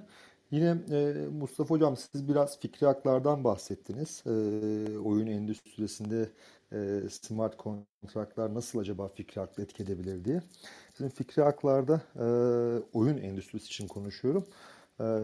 Patentler, markalar ve telif hakları en çok davaya konu olan haklar oluyor. Mülkiyet hakları oluyor. Ee, bunun tabi akıllı sözleşmelerde uygulanması. Yani e, burada belki biraz Metaverse'e girebiliriz. E, örneğin işte biraz önce bir konuğumuz vardı. Özgür Bey değildi. E, şeyden bahsetti. Bir ayakkabı Tayfun üreticisinden, Tayfun Bey bir ayakkabı üreticisinden bahsetti. Bunun e, oyunlar için ya da Metaverse için ayakkabılar, dijital ayakkabı ürettiğini söyledi. Şimdi o ayakkabının bir tasarımı olabilir, bir e, ismi olabilir, markası olabilir, bir teknolojisi olabilir vesaire. Burada da yine e, mevcut fikri ve sinayi mülkiyet haklarının kullanımı söz konusu olabilir. Çünkü şu anda mevcutta biz örneğin Facebook'ta da bir şey yapabiliyoruz değil mi? Facebook fotoğraf çekip gönderiyoruz vesaire. Burada zaten e, mevcut koşullarda gerek sosyal medya uygulamaları olsun gerek oyunlarda bizim oradaki fikri mülkiyet hakkını enisari olmayan bir şekilde zaten yaratıcıya yani Facebook'sa Facebook, oyunsa oyun yaratıcısına devrettiğimiz herhangi bedel karşılığı olmadan bedelsiz olarak devrettiğimiz zaten imza altına almadan o oyuna da giremiyoruz. Aplikasyon da giremiyoruz. O sosyal medya da giremiyoruz zaten. Dolayısıyla en baş söylediğim bir daha tekrar edeceğim. Fikri ve sınavlar konusunda da bu akıllı sözleşmeler ve oyun dünyası, gaming industry'nin bir orada değişikliğe gitmesi gerekecek. E, çünkü mevcutta e, oyunu siz girdiğiniz anda zaten oradaki fikri mülkiyet haklarını paylaşmış oluyorsunuz. E, en başta dedi, yine dediğim gibi bu gaming industry de metaverse dememek mümkün değil. E, Metaverse'ün az çok nereye gideceğini hepimiz gördük. Hepimiz derken de ben mesela şöyle bir bakıyorum. E, enteres mesela İngiltere'den, Amerika'dan konuklar, dinleyiciler olabiliyor. Çok popüler bir konu. E, son bir 6 ayda gitgide artan bir konu. E, Metaverse konusu. Tabii Metaverse oluşturan etmenler nedir? Belki buna bakmak lazım. Yani bir yazılım mıdır acaba? Ya da bu yazılımı tetikleyen bir donanım mıdır? Gözlük müdür acaba? Metaverse, Metaverse yapan ya da mesela en büyük Metaverse dediğimiz zaman ya da en sıfatını kullandığımız zaman en iyi yazılım mı acaba? Yoksa en iyi donanım mı? Bence bunlar hiçbir değil. Bence orada yine bir e, nicelik ortaya çıkacak. Nitelikten ziyade. Yani kullanan insan sayısı ön plana çıkacak. E, dolayısıyla en büyük metaverse'ü ya da en sıfatını kullanarak tanımlayabileceğimiz metaverse'ler bunlar şu anda belki e, işte microverse denilen ya da işte daha küçük ölçekli verse'ler. O metaverse'e geçtiğimiz zaman ne kadar kullanıcısı var bu sistemin galiba ona göre belirlenecek. Burada da en son sorduğunuz soru hani en büyük metaverse neresi olacak, kim olabilir metaverse dediğimiz zaman herhalde burada e, teknoloji açısından Microsoft'un çok fazla yatırımı olduğunu görüyoruz. E, ama kullanıcı sayısı açısından da bugüne kadar yaptığı yatırım açısından da Facebook'un e, bir metaverse yeni bir yani en büyük metaverse olabileceğini görebiliyoruz. E, açıkçası Metaverse ile Google Earth'ü ben çok kafamda bağdaştıramadım. Çünkü Metaverse dediğimiz zaman bizim bu dünyadan farklı bir şeyden bahsediyoruz aslında. Yeni bir evrenden bahsediyoruz. Yani buradaki yollar olmasa da olur, buradaki şehirler olmasa da olur. Ama buradaki insanların veya gerçek veya tüzel kişilerin olması gereken bir e, aslında evrenden bahsediyoruz. Yani yollar olmayabilir. Oradaki otoyollarda yürümeyebilirsiniz, uçabilirsiniz vesaire ama hani buranın bir kopyasını oluşturup orada yapmak Metaverse'den ziyade bu işte 10 sene önce çıkan işte Second, Second Life'lar vesaire belki tanımlı metal olabilir. Ama Metaverse dediğimiz zaman sanırım e, yeni bir evrenden bahsedeceğiz. Biz bugün bir başka bir arkadaşımla bundan bahsederken dedik ki Metaverse'de herhalde burada da bu e, NFT'lere biraz değindik. Herhalde çok fazla sanat eserine ihtiyaç var. Yani örneğin bir kurumsal, yani bir tüzel kişi, belediye olabilir, efendim bir ülke olabilir, bir e, şirket olabilir orada yer alırken örneğin bu bir gözlükle ziyaret edebileceğiniz bir yerse herhalde resepsiyonda birkaç resim, birkaç tablo göreceksiniz. Dolayısıyla bunlar da aslında NFT'lerden oluşacak diye düşündük. E, şimdi baktığımız zaman da NFT'ye böyle kısaca girmek gerekirse bakıyoruz mesela işte Cem Yılmaz'ın yaptığı bir karikatür milyonlarca liraya satılabiliyor ama halen sanat, sanat tayfasının belki sadece çok küçük bir azınlığı belki de 100 binde bir kişinin NFT şeyi var, e, bir ürünü var orada duran. Dolayısıyla galiba Metaverse'ü insanlar olarak, varlıklar olarak yani canlı varlıklar olarak doldurmaya çalışacağız. Gerek bilgilerimizle, gerek e, eserlerimizle, gerek yazılımımızla ama temelinde insan olacak. Bu belli oldu diye düşünüyorum. Bunda son olarak aklıma şimdi gelen bir şey. Bir ara şöyle bir şey vardı. Çok fazla konu derine inemedim ama Facebook'un e, aslında kendisinde hesap açmayan kişiler için bile kendi kendine otomatik olarak hesap açtı. Dolayısıyla sizin herhangi bir talebiniz olmadan orada duruyor işte. Mesela Murat İdal Facebook hesabı yok ama orada bir Murat İdal var. Kim açtı bilmiyoruz. Sorsak bilmiyoruz. Yani sorduğumuz zaman şu oluyor zaten. Bir trademark dispute'un var, bir IP dispute'un var. Ne için bunu kapatmayı istiyorsunuz gibi oluyor. Ee, orada da zaten özellikle fikri haklara tekrar dönersem çok da konuyu dağıtmak istemiyorum bu hocam ama bağlı bir konu bu. Ee, özellikle fikri haklar konusunda e, bir tecavüz söz konusu olması için bir eylem olması gerekiyor.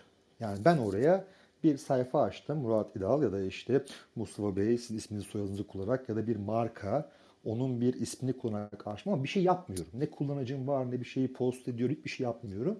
Bu mevcut e, internet uygulamalarında bir tecavüz olarak, bir infringement olarak yer almıyor. Diyor ki sadece bu bir aktif olmayan bir hesaptır diyor. Aktif olmayan hesaplar da bir fikri hakkın, sınai hakkın tecavüzüne yol açmazlar diyor. Ne zaman işte sizin size ait olan bir fikri hakkı orada gördüğünüz zaman aktif olduğu zaman o zaman bu hesabı geri alabilirsiniz diyor örneğin. Ne diyecektim? Hani benim bilgim dahilim olmadan benim üzerinde hesap açılması bir tecavüz değil. Çünkü boş bir hesap. Ama niye böyle bir şey yapılıyor noktasında eğer bu yaratıcı tarafından yani Facebook tarafından yapılıyorsa herhalde Metaverse'ün ilk adımları herhalde işte Facebook'un kurulmasıyla başlanmış olabiliyor. Çünkü orada ne kadar insan olursa o kadar büyük bir Metaverse'den bahsediyor olabileceğiz. Yine son olarak da Metaverse'de bu gaming endüstri birleştirdiğimiz zaman da herhalde şu olabiliyor. Ee, bir futbol oyunu düşünürsek temelde işte bu nedir? Hani takım olarak birisini yenmek durumundasınız. O takım multiplayer olabilir, farklı kişilerden oluşabilir ama biz bu oyunu tamamen bırakıp kendi yani e, NFT olan sosisli sandviçlerimizi dağıtmak için bile bir oyuna girebiliriz. Orada işte 10 centten 15 centten ne oynuyorsun? Futbol oynuyorum ama hani futbol e, uygulaması içerisinde ama futbol oynamıyorum ve orada işte sosisli sandviç dağıtıyorum ya da işte e, çocuklara oyuncak e, veriyorum gibi bir e, kendimize rol ve görev edinebileceğiz diye düşünüyorum. Yakındaki bu yani gelecek olan e, Metaverse dünyasında diyeyim. Böyle notlarım bu şekilde şimdilik. Bayağı da geç olmuş konuşmuşum bayağı. Evet teşekkürler Murat Bey. Şimdi ben sadece sizin söylediklerinize bir katkı olması bakımından yani karşılıklık açısından değil de e, şey dedin sen Google Earth'tense eğer yanlış anlamadıysam Facebook'un evet. Metaverse e, işlevi sunmaya daha yakın olduğunu. Ben daha biraz fazla insan kullandığı için. He, daha ben biraz farklı düşünüyorum orada. Yani ör, örneğin diyelim ki ben İstanbul Fatih'te Akdeniz Caddesi'ne açılan işte ne bileyim sokaklardan birinde Ayşe Kadın sokağında oturuyorum. Ben Google Earth'teki e, görüntüleri yani bana bu o imkanı verecek bir uygulama olduğu zaman o sokaktaki kendi binamın veya diğer binaların dış cephe renklerini, dış cephe kaplamalarını, sokaktaki işte çöp kutusunu, e, işte balkona işte böyle saksılar koymak veya işte balkon olmayan yerlere balkon yerleştirmek gibi. Yani e, bir, şekilde o meta, metaverse içinde de farklı bir Ayşe Kadın sokağı yaratabilirim ve sonrasında dönüp Fatih Belediyesi'ne veya şeye ne derler e, İstanbul Büyükşehir Belediyesi'ne gerçi ilçe belediyesi yüklenecektir de orada ana arter olmadığı için e, dönüp ya benim sokağıma niye böyle bir standart getirmiyorsunuz ki ülkemizde mesela yapıldı bu. Pendik'te hatta hayat sokakta güzel miydi? Hayat hatırlamıyorum ama bir mottoyla Anadolu Efes'in öncü olduğu bir proje vardı. Pendik'te böyle bir sokak yenilendi. O tabii bir şirketin öncülüğünde yapılan bir şeydi. Ama kalkıp insanlar nasıl bir çevrede yaşamak istediklerini de o metaverse içinde tarif edip hatta eyleme de geçirip yani sanal da olsa eyleme geçirip sonrasında da işte vekalet verdikleri, seçtikleri insanlara benim sokağımı niye böyle yapmıyorsun diye de sorabilir. Hatta öneri de götürebilir. O anlamda Google Earth'ın en azından yani işte bütün e, şeyleri yani e, gezilebilir, işte araçta gezilebilir yerleri görüntü altına alması, kayıt altına alması bir avantaj. Ve oradan da böyle akıllı şehirlerle ilişki bağlamında ciddi bir metaverse uygulaması çıkabilir gibi geliyor bana. Yani aklıma geldi paylaşmak yani istedim. Katılıyorum bu soruya. Yani daha bence bu e, kolaylaştırır aslında işleri bakarsanız da benim kafamda hiçbir zaman metaverse e, yer küreyle sınırlı bir şey değil başından beri.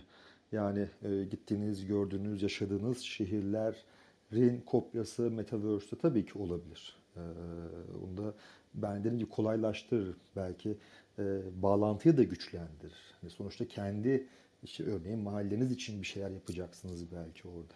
Ya da işte ne bileyim bildiğiniz kişilerle belki konuşuyor olacaksınız ama e, hani böyle küresel bir metaverse'ten bahsettiğimiz zaman burada küresel bile az kalıyor onu tanımlamak için. Yani ben o, e, Mars'a da Mars'ta geçelim keşfedilmiş bir yere doğru gidebilirim. Yani buranın bir yansıması oldu olması gerektiğini düşünmüyorum sadece. Ama bu orada olabilir. Yani onun bir parçası olabilir. Evet. Böyle şu sözünüz önemli. Ee, hani bu e, küreyle sınırlı olarak düşünmemek gerekiyor diye. Evet ben de katılıyorum. Ee, şöyle bir yanı var. Yani sonuçta sen, sentetik evrenler de oluşturulabilir. Yani ne bileyim işte iki doğrudan ancak Kesinlikle. bir doğru iki noktadan ancak bir doğru geçer şeklindeki bir Öklit geometrisinden çıkıp e, iki, do, iki, iki noktadan sınırsız sayıda doğru geçer şeklindeki bir geometri şey sentetik bir geometrik evrende de şey yapabilirsiniz. Yok. Yani bir, Tam bir şeyleri ondan var yani edebilirsiniz. haklısınız. Yani orada Evet. sizin evren tanımınızla ilgili olan bir şey. Siz e, işte örneğin 400'lü Çeşme Sokağı kendiniz evren e, addedebilirsiniz ama bir başkası da e, işte aort kapakçığının içerisindeki bilmem ne miyokardi yerinde yaşıyor. Onu kendisine evren edinebilir. Çünkü orada da bir dünya var. Bir başkası da hiç daha keşfedilmemiş e, galaksilerde kendine bir e, evren edinebilir diyorum. Yani bunun hani eskiden o Second Life'daki adım adım işte daha önce kurulmuş belediyene gidip ben de yer istiyorum. İşte efendim Air France'ına gidip ben de yer istiyorum diye değil. Trendyol efsane günlerin efsane indirimleri çok ses Gecelerini kapsayacak bir e, üniversite oldu. getirdi. Gelin bu seslere kulak verelim. Trendyol'dan indirimden aldığım tişört gelince benim sıfatı eşkal. Sizce ben Trendyol indiriminden kedime papyon almış mıyım? Trendyol indiriminde rahat alışveriş yapmak için Wi-Fi şifresini değiştirdim. Yani aramızda doktor arkadaşlar varsa darılmasınlar lütfen. Çok da çok sayıda doktor arkadaşım da var da. Evdekiler internet bozuldu sanıyor. gelmiştir. Yani kendimle hiç şey yapamamışımdır. Ama şimdi bizler konuşurken böyle Metaverse'ten falan bahsederken şöyle bir şey geldi. Yani örneğin diyelim bir e, bildiğim kadarıyla da tıp öğrencilerini en fazla zorlayan derslerden bir tanesi de anatomi. Oradaki vücudun bütün o detaylarını falan öğrenmeleri gerekiyor. İsimleriyle öğrenmeleri gerekiyor. Ee, örneğin e, öyle bir oyun olabilir ki yani anatomi dersini veya diğer dersleri artık neyse bir e, oyun üzerinden de öğretebilirler. Yani sizin o organlarda neler yapabileceğinizi e, işte böyle milim milim işte o hücre aralarında neler e, yerleştirebileceğinizi falan böyle en, enteresan şeyler de olabilir. Yani şu anda da bildiğim kadarıyla var. Ben oyun sektörünün biraz cahil olduğum için örnek vermekte sıkıntı çekiyorum ama olması lazım diye düşünüyorum. Eğitimle oyunun iç içe geçtiği e, şeyler var. Ben eskiden hatırlıyorum hatta öğrenciyken tercümanlık falan yapmıştım. O basit oyun, o disketle oynanan oyunların şeylerini tercüme etmiştim. İşte daha ilkokul ve anaokul çocuklarına yabancı dil öğreten veya işte farklı hayat bilgisi işte dersini falan, fen bilgisi derslerini öğreten şeyler.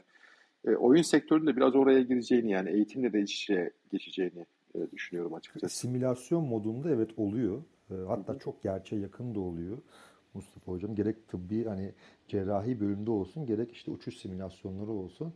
Burada o dediğiniz sistem e, kesinlikle çalışıyor. Şimdi siz konuşurken aklıma geldi. Bugün yine başka bir arkadaşımla görüşürken ortaya atılan bir şey vardı. İstihdama da aslında bir faydası olacak gibi görünüyor. Ben mesela bugüne kadar bunun doğru olmadığını düşünüyordum. Belki halen doğru değildir ama ben şu kadar maaş veriyorum çalışacak insan bulamıyorum noktasında. Ben çok fazla o konuda derine inmemiştim. Doğru mudur, yanlış mıdır çok da kafayı yormamıştım ama hani en azından şöyle düşünüyordum. Ya yok hani bu şeydir bir eee ne derler eee, bir söylemdir sadece ama altı boştur diye düşünüyorum ama bugün şöyle bir olaya denk geldim. Bulamıyorum çalışan. Çünkü gelen 4 yıl okumuş, 5 yıl okumuş, dirsek çürütmüş. Diyor ki ne iş yapacağım? Ben ona diyorum ki işte lastik sökeceksin ve lastik takacaksın. Şimdi insanların iş seçme ya da seçmeme özgürlüğü de var. Bunu da elinden alamayız. Yani bu noktada enteresan bir dilema ortaya çıkıyor gibi geldi bana. Yani e, Valla bu söyle- son söylediğiniz de beni çok heyecanlandırdı. Ben mesela şeyi çok isterdim yani. Örneğin bir e, sanal gerçeklik içerisinde bir met- metaverse içinde bir hukuk bürosunda çalışmış, 3 yıl çalışmış ve avukatlarla mülakat yapıp onlar arasından bir tercih yapıp bir şey o avukatlardan almak isterdim açıkçası. Yani hani hangi davaları bitirmiş, bitirmemiş. Çünkü blockchain tabanlı olduğu zaman da bunlar güvenilir veriler haline geliyor. Müvekkillerle ilişkileri nasıl, ekip çalışmasını mesela soruyorsunuz insanlara.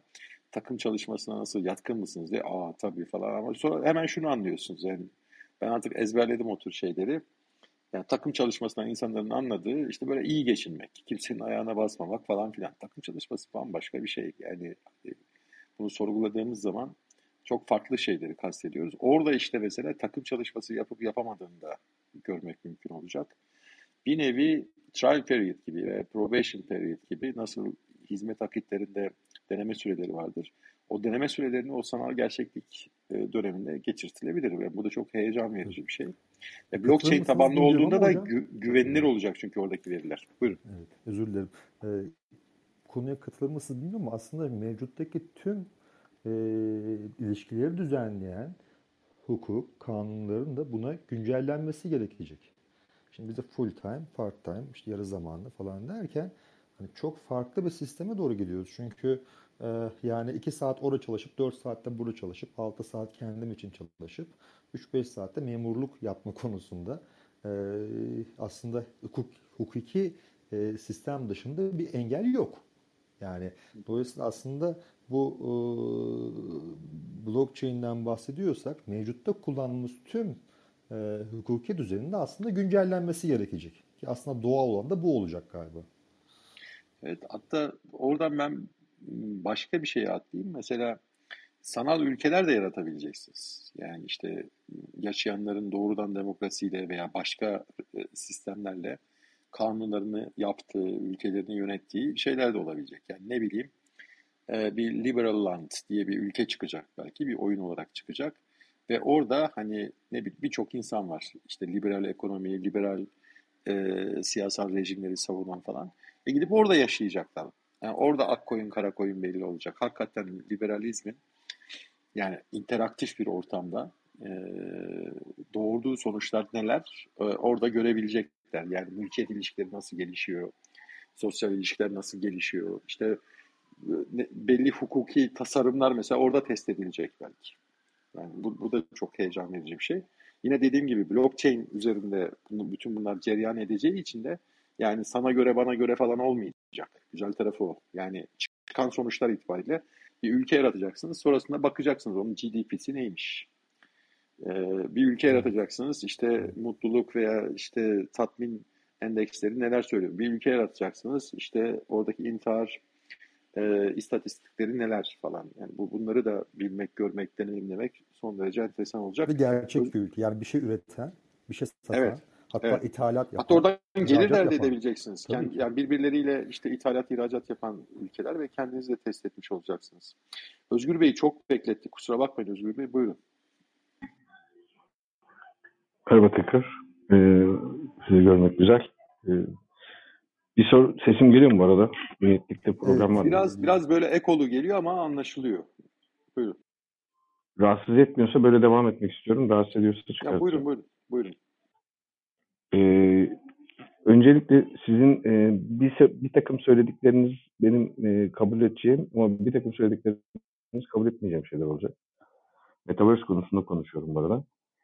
E, Metaverse dünyasına dünyası daha yeni yeni şekillenecek ve kendini e, da o bir kavram, bir bir, bir şey değil. Yani bir yani çoğu insan şeyle karıştırıyor işte Facebook e, olacak, Microsoft'un bir şey olacak falan filan. Bunların hiçbirisi olacağını düşünmüyorum bu arada. Yani bunlar sadece providerlar olarak kalacaklar. E, hatta sadece aslında bu e, üç boyutlu VR, AR gözlükleriyle bu Metaverse dediğimiz kavram artık gerçekten insanların hayatına girecek. Çünkü öbür, öbür türlü bu gözlükler olmadan Second Life'da bir farkı yok. Veya şu an var olan dünyamızdan çok bir farkı olmayacak. Buradaki en kritik soru şu. Gerçek hayatımızla Metaverse hayatımız arasındaki bağlantı ne? İlişki ne olacak? Ve biz e, bir madenci günde 8 saat madende çalışıp onu ya da 10 saat çalışıp sonra gidip Metaverse takıp gözlüğünü takıp orada başka bir dünyayı mı yaşayacak? Yani bunun getirdiği ilişkiler ağı bambaşka bir şey. Burayı burayı bir kere daha ben kestiremiyorum. Yani tam olarak burada hukuki etkiler de nasıl olacak onu da bilemiyorum. Yani Metaverse ne kadar gerçekten ya Metaverse'de e, ya, girdiğiniz bir e, eğer ki böyle bir sanal dünya olacaksa e, ki buna doğru gidiyor ama bu VR dediğim gibi çok önemli. Eğer VR olmadan o dünyanın hiçbir anlamı olmayacak çünkü insanlar kabul etmeyecek, anlamlı gelmeyecek. Buradaki hayatımızda, gerçek hayatımız arasındaki hukuki bağlantılar bile söz konusu olacak diye düşünüyorum zamanı geldiğinde. O bağlantılar Öz, Özgür Bey haklısınız olacak. Ben e, bir önceki sorunuzun yanıtını çok kısaca vereyim. Şimdi e, o, o metaverse içerisindeki e, ilişkilerde diyelim bir hak hukuk bir, bir düzen oluşacaksa da oradaki eylemlerin karşılığını da yine metaverse içinde değerlendirilecek. Kendi hukukunu yaratacak diye düşünüyorum ben. Dolayısıyla Metaverse'in içinde kalan ilişkiler itibariyle. Misalen yani neyi kastediyorum örnek vereyim. Örneğin orada da bir iftira oldu diyelim. Şimdi oradaki iftira suçuna ilişkin suç duyurusunu kalkıp gerçek hayatta yani işte örneğin Türkiye'de Türkiye Cumhuriyeti adliyelerindeki Cumhuriyet Savcılığı'na yapamayacaksınız. Ama orada da savcılık veya savcılık benzeri bir makam varsa orada yapacaksınız. Yani kendi içinde bir para paradigma zaten oluşturuyor ya her anlamda. Dolayısıyla onun içinde takip edeceksiniz. O farklı bir hayat olacak orada. Ee, Tabii ama oradaki o buyurun. Dinliyorum. Buyurun. Buyurun, dinliyorum. buyurun. Ya oradaki hayat kendi içinde e, gerçek hayatın bir simülasyonun olma ihtimali yok. Ne açıdan yok? E, fiziksel dünyanın yani fiziksel olarak var olmanızın getirdiği bir kere kısıtlar, sınırlamalar ve düşünce yapılarını orada bulmayacaksınız. Orada olmayacak. Doğru, doğru. Hatta ben... Mesela beni kimse e, orada hapse atamayacak yani. Belki de atacak. Belli mi? Atsın. Evet. Atsın yani. Gözlüğü çıkarttım bitti yani. Orada hapse girmişim ne olacak ki? Benim ne hayatım etkileyecek? Gözlüğü takınca Konu, orada beni, ha, Evet. Or, orada benim hapse girdiğimdeki e, gerçek hayatta ne olacak? Çok, burası çok kritik. Yani çünkü iki tane dünya yaratılıyor. İki dünyanın kendi içinde bir takım bağlantılar yoksa bu bir oyundan öte gitmez. Ama ben bağlantısız böyle fantastik bir dünyaya gir, girmek gibi düşünmüyorum. O Onu bağlantının ben çok zor olacağını düşünmüyorum Özgür Bey. Yani ben, hatta e, bir bağlantı noktası tabii. çok pardon Murat Bey söyleyeyim. Yani demin şeyden bahsediyorduk. Ee, işte tokenizasyondan ve oradan gelir de elde etmenin mümkün olacağını. Sonuçta oradan elde ettiğiniz tokenları gerçek dünyada da kullanabileceksiniz. Alın size birinci bağlantı noktası. Bayağı da güçlü bir bağlantı noktası. Tabii o, o Tam mesela bu, bu eğer böyle olursa o zaman insanlar fiziksel dünyanın şeylerinden çıkarlar. Ve orada da öyle bir denge yaratmalısınız ki sanal ortamda kazancınızın da yine belli sınırları olması lazım gibi. Buranın böyle ikinci bir versiyonu olur. Bu sefer de ne kadar tutulur? Ama orada Buralar bir, çok çok dengeli konular. Tabii de bilemeyiz bugünden ama hani konuşuyoruz biz de. Şimdi şöyle söyleyeyim. Yani orada da ben bir üst irade falan olacağını zannetmiyorum. Yani e, örneğin işte Türkiye'de yaşıyoruz şu anda. Ee, burada bir hukuk düzeni var. Dolayısıyla orada yaşanan bir şey itibariyle kalkıp benim gerçek dünyada Türkiye Cumhuriyeti sınırları içinde hani şu üç boyutlu evrende e, ayaklarımın yere bastığı yerde yargılayabileceklerini sanmıyorum. Yani hukuk teorisi de buna izin vermez zaten. E, işte suçta ve cezada kanunluk ilkesi var. Metaverse'de içerecek şekilde bir kanun yapmanın da bir mantığı yok zaten. Ee, ama e, ne olabilir? Yani orada yapılan, ya örneğin diyelim ki ben Mustafa Güneş'im, Metaverse'de de Mustafa Güneş kimliğiyle dolaşıyorum. Ve orada benimle ilgili yapılan bir eylem, e, işte ne bileyim manevi zarara sebep oldu ve bunu dış ortamda da, bunu, bunu da şöyle açıklayabilirim. Örneğin sosyal medyada nasıl bir işte hakaret söz konusuysa ve kalkıp bunu burada takip edebiliyorsanız, e, orada da olabilecektir. Yani burayla kurulduğu bağlantı kurulabildiği ölçüde bu burada da bir devam olacak. Yoksa aslında iki ayrı evren olacak ve eğer hocam öyle vakitleri çok pardon Seçkin Bey, o kadar vakit vakti olan kişiler varsa belki bir veya birkaç tane metaverse'de yaşayacaklar. Hani o da çok şimdi zor konu orada ama. şimdi çok kritik bir cümle söylediniz. Orada vakti olan varsa dediniz ya. Hı hı. Şimdi şu an dünyada zaten Metaverse'ün küçük bir e, e, şeyi yani sanal dünyada bütünüyle kripto dünya üzerinde dolaşıp oradan geçimini sağlayan milyonlar var. Evet. Bakın hiçbir şey yapmıyorlar. Özgür Hiçbir hocam. zincirine zincirine katılmıyorlar. Evet. Ya benim de kafama orası takıldı aslında. Bu Metaverse'de gelir elde eden insan dönüp gerçek hayatta madende çalışacak mı hocam? İşte ya sorun tamamen burası, sıkıntılı bir yerler yani. Bu, burayı bilmiyorum. Zaten nevrotik bir modern insan var. Daha da nevrotik bir. Şimdi burada bir, bir şey daha söyleyeceğim. Çok, burası çok, çok haklısınız. Çok haklısınız. Burası... Siz onu unutmadan Özgür Bey, yani e, madem unutmadan bir şey söyleyeyim. Hatta şuna dönüşecektir. Hani Almanya'ya gidip hani bizimkiler gidip bir süre sonra geri dönüyorlardı. Şimdi artık dönmüyorlar ama şöyle düşünün. Bir Almanya var. Gidiyorsunuz 9 ay çalışıyorsunuz veya işte 10 ay çalışıyorsunuz. 2 ay gelip Türkiye'de geçiriyorsunuz o süre. Biraz ona da dönebilir. Yani e, Metaverse'de mutlu olan gelir elde eden orada vakit geçirecek. Ama dönüp e, sonuçta fiziki bir varlık netice itibariyle yemesi, içmesi, gezmesi, egzersiz yapması falan gerekiyor. Bir miktar burada da zaman geçirecek gibi geliyor. Buyurun siz bir şey diyecektiniz önemli İşte orada kritik kritik nokta şu. Birkaç konuya bahsedeceğim. Bir, sadece gözlük olarak değil konu, giyilebilir teknolojiler dediğimiz nokta da var. Bütün bunlar birleştiği andan itibaren sizin beden ihtiyaçlarınızı da minimize edecekler. Edilecek noktaya gelebilir.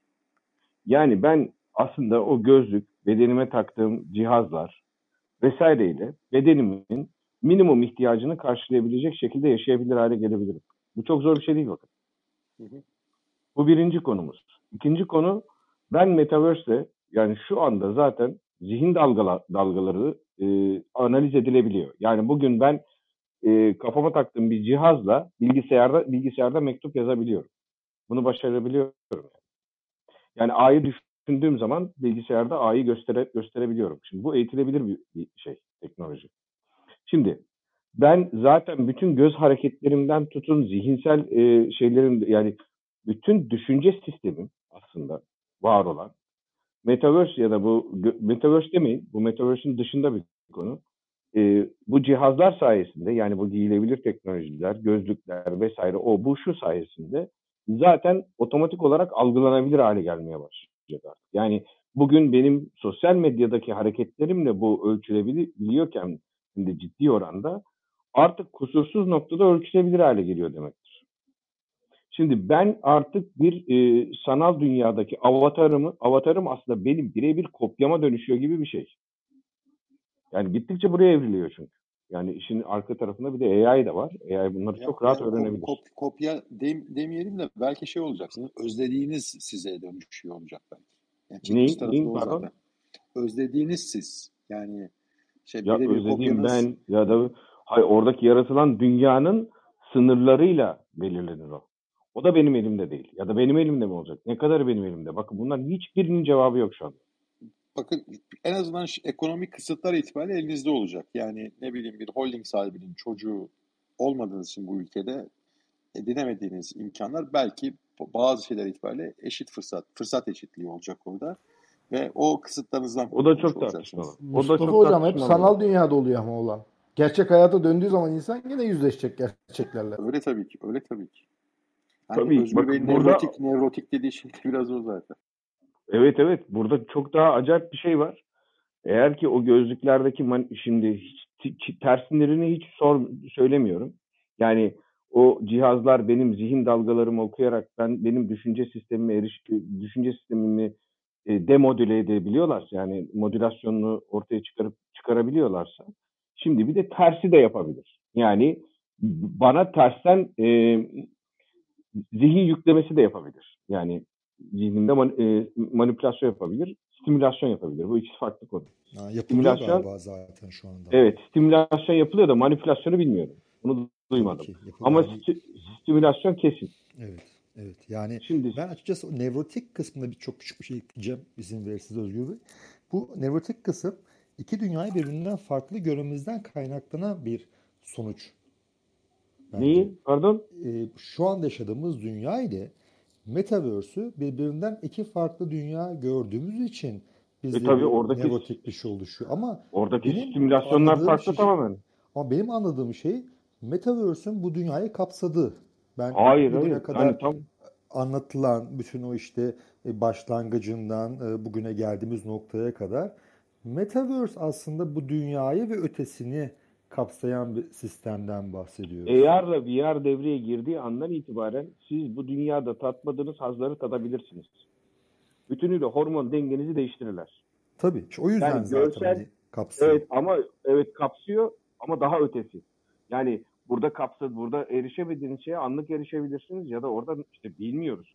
Tabii Orada ne kadar güçlük olacak? Benim oradaki erişimlerim, oradaki yaşam tarzım nasıl bir özgürlük? Matrix'teki Neo gibi uçacak mıyım? Yani İşte hani anlatabilir miyim? tam o noktadayım. Buralar Yani buralar bir- buralar belli değil. Evet Ama ya buralar orası birilerinin ve burası ara, orası ve burası diye tanımlıyorsunuz yani.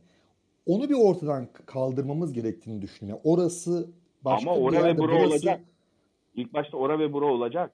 E, Bu şu an zaten var. içerisinde Şu anda version zaten version var. evet. Evet. Bir de gözlüklerle beraber daha da kritikleşecek. Yani daha da o tarafa doğru. Çünkü zihin haz odaklı. Haz odaklı bir yapıyı siz dünyanın insanlarına böyle bir anda aynı telefonlar gibi nasıl telefonlar çıktı biz böyle elimiz böyle tık tık tık tık, tık olmaya başladık. Bu sefer de gözlük bakın bunların hepsi aslında bir nevi insan zihninin uyuşturucuyla olan ilişkisi gibidir. Farklı bir Şöyle şey yok yani. düşünebilir Bunu misiniz? net söyleyebilirim yani. Şöyle düşünebilir misiniz? Ben düşün, yani sizi ben tabii odağa almıyorum burada siz diye konuşuyorum ama böyle genel olarak konuşuyorum.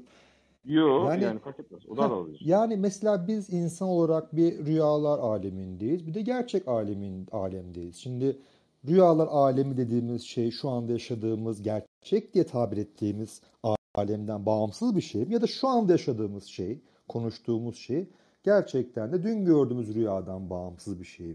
Yani Gerçeklikler buradaki buradaki konuşuruz. şeyden bahsediyorum. Yani orada bir rüya yatıyoruz, uyuyoruz. Kimimiz rüya görürüz, kimimiz görmüyoruz. Ee, ama bir şekilde orada bir alem var. Ee, hani bazıları bunu küçük ölüm derler mesela rüya alemini ama toplam alem dediğimiz zaman içinde uykuda da geçirdiğimiz, rüya gördüğümüz, görmediğimiz REM uykular, sabah kalktığımız, kalktığımız an içindeki evrenler hani hepsini bir olarak ben görüyorum. Metaverse'ü de şu anda yaşadığımız e, üniversiteden farklı bir şey görmüyorum aslında. O- Onu onu e, altını çizmek istedim. İşte Şöyle onu şey onu görmeye onu görmeye başladığınızda yani var olandan fark pardon hocam hocam burası çok kritikti. O yüzden birazcık e, burada bir şey bahsetmek istiyorum.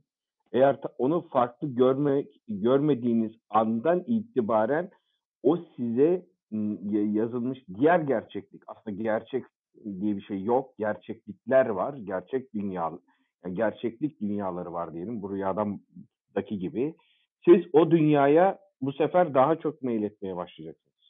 Şimdi daha çok meylettiğinizde bu sefer artık dünya tamamen bambaşka bir noktaya doğru kaymaya başlayacak. Yani siz bütün varoluşsal şeyinizi, yapınızı değiştirmiş oluyorsunuz. Tamam, diyelim ki bu da okey. Peki o dünya nasıl dünya ve onu kim yarattı? Siz eğer bunu Microsoft, Facebook, Google gibi bir takım tekellerin dünyası olarak içine girecekseniz vay halimize derim. Bunu söyleyeyim. Burada netim yani.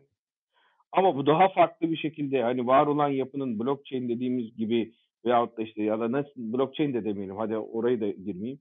Ya daha e, özgür iradeyle insanların kendilerinin oluşturabileceği akan bir sistem olursa yani evrilen bir sistem olursa hadi buna bir nebze şey diyebilirim yani hani fayda yaratır diyebilirim. Ama öbür türlüsünde siz hiçbir fayda beklemeyin. Aksine hani gi- uyuşturucu kullanmaktan hiçbir fark kalmayacak çünkü. Siz sadece bir takım dünyalara girip girip çıkacaksınız. Ben bunu ilk şeyde tanıdım yani. Bir roller coaster'a bindiğim anda VR, VR taktım. O bir AR, AR, VR gözlüğüydü. Virtual reality bir gözlük. Ee, İşte şeyde neler Luna Park'ta taktım ben onu. Ondan sonra benim videomu izledikten sonra anladım yani. Bu, bu acayip bir şey. Yani bu sizin hiç bütün sinir sisteminizi, bütün düşünce yapınızı, bütün etkileşimlerinizi kökten değiştirebilir. Yani VR o gözlüğü takmadan önceki Murat Bey ile taktıktan sonraki Murat Bey arasında inanın korkunç farklar olacaktır. Ben burada çok net görebiliyorum. Ama o nedir onu bilmiyorum. Yani orası nasıl sunulacak onu bilmiyorum. Bakın burası çok kritik. Bence hukukun en çok buraya dikkat etmesi lazım. Çünkü burada bambaşka iki evrene doğru. Yani bu ne bir nevi aslında e, şey e, uyuşturucunun farklı bir versiyonu. Yani adı uyuşturucu değil. Yani uyuşturucuyu tırnak içerisinde söylüyorum. Yani bağımlılık yapıcı bir maddeden farklı bir şey olmayacak. Çünkü sizi bir evrenin içerisinde hapsedecek, zihninizi oraya resmen hapsol, hapsolacak. Çok iyi Ya anlıyorum. da Yani altını çizdiğiniz ya, noktayı çok iyi anlıyorum Özgür Bey. yani evet burası o kadar kritik, o kadar önemli ki kimse bu tarafı tartışmıyor. Ama şunu da unutmayalım. VR'la ilgili.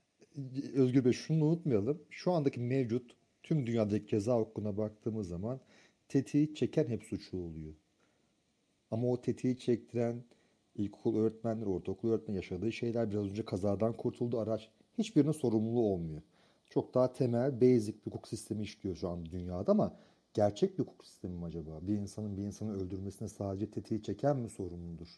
O güne kadar, o gün yaşadığı bir takım Oo, olumlu ve olumsuz olayların Tabii tabii hiç, tabii. tabii. yani e, ama bunun hepsi veri. Ya bu verileri biz ölçemediğimiz için tetiği kim çekti diyoruz. En fazla şunu diyoruz. Çek, tetiği çekmesinde bir şey var mıydı? Başka bir e, sebep var mıydı? Cezayı Yani arttırmak, azaltmak için diyoruz. Ama yani şöyle bir simi, şöyle bir simülasyona sokulması faydalı mıdır bilmiyorum. Bu arada bunun hiç meta, bu arada bu konuştuklarımızın metaverse ile bir ilgisi yok. Yani VR ile ilgisi var. VR asıl belirleyici olan. Metaverse oradaki sadece o metanın yani sizin NFT'ymiş, token'mış, oymuş, buymuş. oradaki o gerçek hayatı kurgulayabilmek için gereken araç. Blockchain bunun temeli. Yani onu, onu verse olmaz. Yani blockchain olmadan verse yapamazsınız. Ama meta blok işte Facebook'un metaverse olabilir. İşte bunlar meta olur. E, e, işte Microsoft'un e, kendi şeyi olabilir. Onlar metalar halinde dolanırlar ama bunlar hiçbir zaman exchange edilemez birbirleri arasında. İşte o verse olabilmesi için blockchain gerekiyor. Bunu öncelikle ben bir temellendireyim yani. Hani burası çünkü kafa karıştırıyor çoğu zaman. Teşekkür ederim. Ee, sağ olun. Ha, yani ben, teknoloji olarak böyle. Evet. Ee, Cem Bey'e söz vereceğim. Ondan önce sadece bir cümle e, şunu söylemek istiyorum. Özgür Bey'in şey sorusu vardı Murat Bey'in söylemi üzerine. Hani tetiği çeken e, cezalandırılıyor. Yani işte öğretmeni, anne babası falan bir, bir şekilde payını almıyor diye. Metaverse'de bu olacak gibi geliyor arkadaşlar. Yani oradaki pa- paradigmada e, işte değer atfedilen KPI'ler nelerse belki bakacaksınız birileri birini vurduğunda veya bir dolandırıcılık eylemine girdiğinde anne babasının da puanı düşüyor olabilir. Yani bu mümkün. Çünkü niye? Orada e, kusursuz bir şekilde bir ölçüm var ve bloklarda kayıtlı bunlar.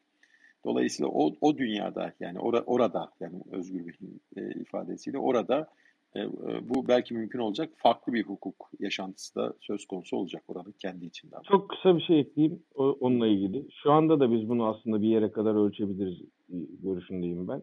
Yani siz virtual reality'yi mesela insanın sınırlarını ölçmek anlamında kullanabilirsiniz. Orada yarattığınız gerçeklik dünyasıyla, davranış modellemeleriyle öyle bir anda sıkıştırabilir. Yani virtual reality çünkü geliştikçe gerçek e, şeyleri almanız için size çok büyük bir imkan sağlıyor. E, sin, sinirsel e, nasıl, nasıl derler? Sinirsel iletişiminizin sonuçlarını orada davranış olarak gösterebiliyorsunuz. Diyelim ki e, bir seri katil potansiyeliniz var bunu bunun için oturup şey yapmanıza gerek yok aslında. Oradaki belli bir simülasyona girmeniz bile yetebilir diye düşünüyorum ben. Şu an bunu yapılabilir. Bunun için metaverse'e ihtiyacımız yok. Ha, ama burada da Minority Report'a kadar. Bu bir potansiyel ölçebilir. Seri katil potansiyeli var diye seri katil demek siz hukukçu olarak. Öyle, öyle bir şey mümkün değildir. Ama bunun belki önlemleri alınabilir mi? O da tam Minority Report filmine kadar gidiyor ve bugün bu dünyayı yaşayacağız. Evet. Cem Bey, bunu söyleyeceğim. Teşekkürler Özgür Bey. Cem Bey söz istemişti. Buyurun Cem Bey. Merhabalar. Ee, şimdi bu VR eğer kısmını atarsak e, yani atarsak dediğini düşünmezsek üzerine e, aslında temelde yeni bir platform. Yeni bir platform olması e, mesela bunu Instagram işte sonra Clubhouse falan gibi platformlarla da bir, bir benzetme yapabiliriz.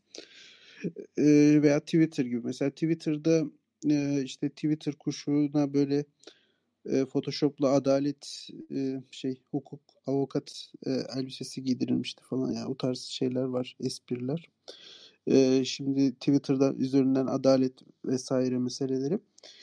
E, şimdi burada mesela Twitter bir dereceye kadar etkili oluyor. Orada bir trend oluştuğu zaman o mesela hakimlerin kararlarına falan e, psikolojik bir baskı oluşturduğunu düşünüyorum ama e, reel yani bir kanun legal bir e, yaptırımı yok şey bir e, şey olarak da yok. Yani bir bağlayıcılığı da e, yok yani. Ama m, bu şu, şöyle bir fark olabilir. Şimdi orada bir e, alınan satılan bir mat, mat, materyal olacak yani. Sonuçta blockchain üzerinden de olsa Eee, ve o o onun, yani, o metaların bir yaptırımı da olabilir, yani, onun üzerinde. Ya, o o zaman artık, eee, eee, bağlayıcı olacağını düşünüyorum ama şöyle bir şey var. Şimdi biz mesela Clubhouse'da da veya Twitter'da da insanlar normal karakterleri dışında ikinci bir karakter oluşturarak, eee, hep dahil oluyorlar platformlara. Yani reel, eee, mesela, eee, reel tavırlarından çok orada ikinci bir kimlikle giriyorlar. Şimdi Metaverse'te de muhtemelen bilmiyorum hangi boyutlara ulaşır ama yani çeşitli kimlikler oluşturulacak. Belki gerçek hayattaki kimliğinden bambaşka bir kimlikle dolaşacak Metaverse evreninde insanlar. Can Bey Şimdi, ben bağlayıcılıkla ilgili dediğiniz şeyi tam anlayamamış olabilirim. Çünkü Twitter'da ürün satan bir insanın Twitter politikasını ihlal ettiği için hesabının kapanması onun para kazanamayacağı anlamına geldiği için burada da bir yaptırım söz konusu bir bağlacıktan kastınız eğer buysa. Ya evet bir dereceye kadar aslında orada da oluyor. Yani orada da hiç olmadığını söyleyemeyiz. Ama daha köklü bir bağlılık da olabilir. Bir de ben şunu düşündüm mesela e, siyasette e, insanlar sokağa çıkmaya mesela bazı işte dolar artıyor falan ekonomik şey sokağa çıkmayı bir belki korkuyordur, cesaret edemiyordur ama böyle bir metaverse evreninde sokağa çıktığı zaman belki bu reale de e, yansıyacaktır. Yani e, sonuçta hani e, çünkü orada bir cesaret hani e, gelip insanlar kendi aralarında konuşacak falan vesaire bir süre sonra o, o tetiklemesi daha kolay olacak. Çünkü e, şu anda mesela Twitter üzerindeki konuşmalar olsun, Clubhouse üzerinde konuşmalar olsun ses düzeyinde kalıyor. Belki daha gerçekçi olan e, üç boyutlu işte bu VR, AR e, çok daha etkili olur. E, dolayısıyla siyaseti de e, ciddi anlamda yönlendireceğini düşünüyorum. Tabii siyaseti bu kadar çok yönlendirirse de devletler de e, karşı tedbir alacaklardır muhtemelen. Onlar da gireceklerdir artık farklı noktalarda. Yani şu an tabii tam hayal edilemiyor sınırları neler olabilir, neler yapılabilir ama e, yani benim aklıma gelenler bunlar. Bilmiyorum siz ne dersiniz bu konuda yani etkileme konusunda. Kudret Bey buyurun. Kudret Bey de söz istemişti. Ha, merhaba. Kudret, Herkese merhaba. sen, senden önce bir soru sorayım. Onu da sen e, paralelde cevaplarsan memnun olurum. E, şöyle bir soru atacağım ortalığa. Bu VR teknolojileri yeni teknolojiler değil. Neden aslında birçok anlamda bu kadar e, sinir stimülasyonu yapabilecek bir güce sahipken bunu daha önce hayata sürmediler de şimdi bugün biz bir metaverse'ün altında bunu konuşuyoruz diye soru soracağım. Ya ben Özgür o sorunun cevabını odadakiler şey yapsın. Ben başka bir şeye Mustafa Bey'e soracağım bir soru vardı. Yani senin yine sorun baki kalsın. Ee, şimdi ben yaklaşık 3,5-4 senedir bir şekilde oyun sektörü içerisinde bir takım girişimlere e, çabalayan biriyim. Daha öncesinde başka alanlardaydım ve o zaman yani e, 2019 başından itibaren 2018 sonuydu herhalde. E, o yıllarda da iki tane küçük çocuğum olduğu için e, şey diye bir şey yapmıştım. Yani ben bu oyun sektörünü incelemiştim bayağı bir. O zaman dedim ki yani ben çocuk babasıyım. Benim oyunlarım şey olmayacak dedim. Ne yaparsam yapayım asla gerçekçi olmayacak. Yani şeyi kastettim. Bir kan e, çünkü e, dünyadaki oyun sektörünü bayağı bir analiz ettiğiniz zaman özellikle Counter Strike'ın başını çektiği sonrasında işte Mortal Kombat ve, ve ortaya çıkan bir sürü oyunlarda inanılmaz bir gerçek realistik e, kanlı uygulamaları görürsünüz. Yani baya baya şeydir yani gerçekçidir. Bu, bu da her geçen gün hatta artık bugün Metaverse'de anladığım kadarıyla iş baya başka bir boyuta geçti. E, ben kendime öyle bir söz vermiştim. O yoldan da çıkmadım. E, şimdi o, o, hatır sizi 2019 Mart'a götüreceğim. E, Yeni Zelanda'da şey olmuştu böyle manyağın biri tam bir e, Counter Strike oyunun ekranındaki simülasyonu e, Müslümanlara yönelik bir katliam gerçekleştirmişti. Benim sorum size. Sizce e, e, oradaki mağdur olan o Müslüman insanlar e, Fortnite Fortnite diyorum. Counter Strike'ı geliştiren e, oyun şirketini dava ederek oradaki o psikopatın e, işte e, bütün o şeyi sahnelemesi, e, oradaki işte bizleri izletmesi e, den sorumlu olarak oradaki mağdur olan o hayatlarını kaybeden insanların yakınları e, Counter Strike'ın oyun yöneticisini e, dava edebilir mi? E, bunun günümüzdeki karşılığı ne? Şimdi bunu Türk hukuku açısından yanıtlayabilirim. Yani ceza hukuku uzmanı da değilim ama yani e, genel olarak bilgi sahibi olduğum kadar yanıtlamaya çalışayım. Şimdi e, ortada bir suç varsa yani birileri öldürülüyorsa e, kamu adına savcılık ve o öldürülen kişilerin yakınlarının da işte şikayet hakkı var. Savcının da iddia yöneltme hakkı var.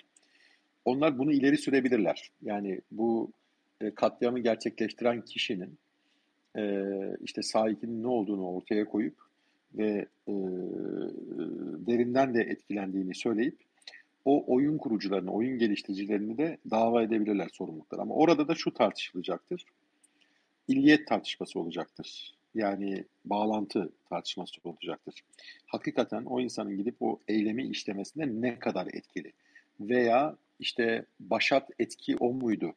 Bunun tartışması olacaktır. Yoksa e, ona bakarsanız mesela e, çok sayıda korku filmi de var. Dehşet unsurları içeren korku filmleri de var. Ve o katliamı gerçekleştiren kişi sadece o e, oyunu oynamış değil, o filmleri de izlemiş bir kişi aynı zamanda. Belki ömrü boyunca bin tane öyle film de izlemiş olabilir.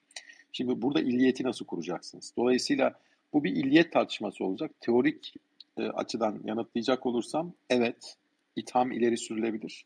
Yani burada da bizim hukukumuzda ithamda bulunma etkisi savcıya aittir. Yani savcı pekala iddianamesinde şeyi de e, sanık olarak koyabilir o oyun geliştiricilerinde. Ama yargılamayı yapacak olan mahkeme, ceza mahkemesi e, kalkıp illiyete bakacaktır orada. Hakikaten o oyunun varlığı, o kişinin o oyunu oynamasının bu eylemi gerçekleştirmesindeki etkisi nedir? Mustafa bir şey daha peki çok teşekkür ediyorum. Buyurun. Bu illiyet konusunun ee, siz çünkü sonuçta bu konunun içindesiniz. Ee, Türkiye olarak sormuyorum. Dünyada e, buna benzer e, davalarda e, işte bu illiyet e, diye konusu analiz edildi. İşte e, oyun şirketi veya güzel bir örnek verdiniz. Entertainment business içindeki o üreticiler işte bu işte e, yüzde iki oranında suçlu bulundu.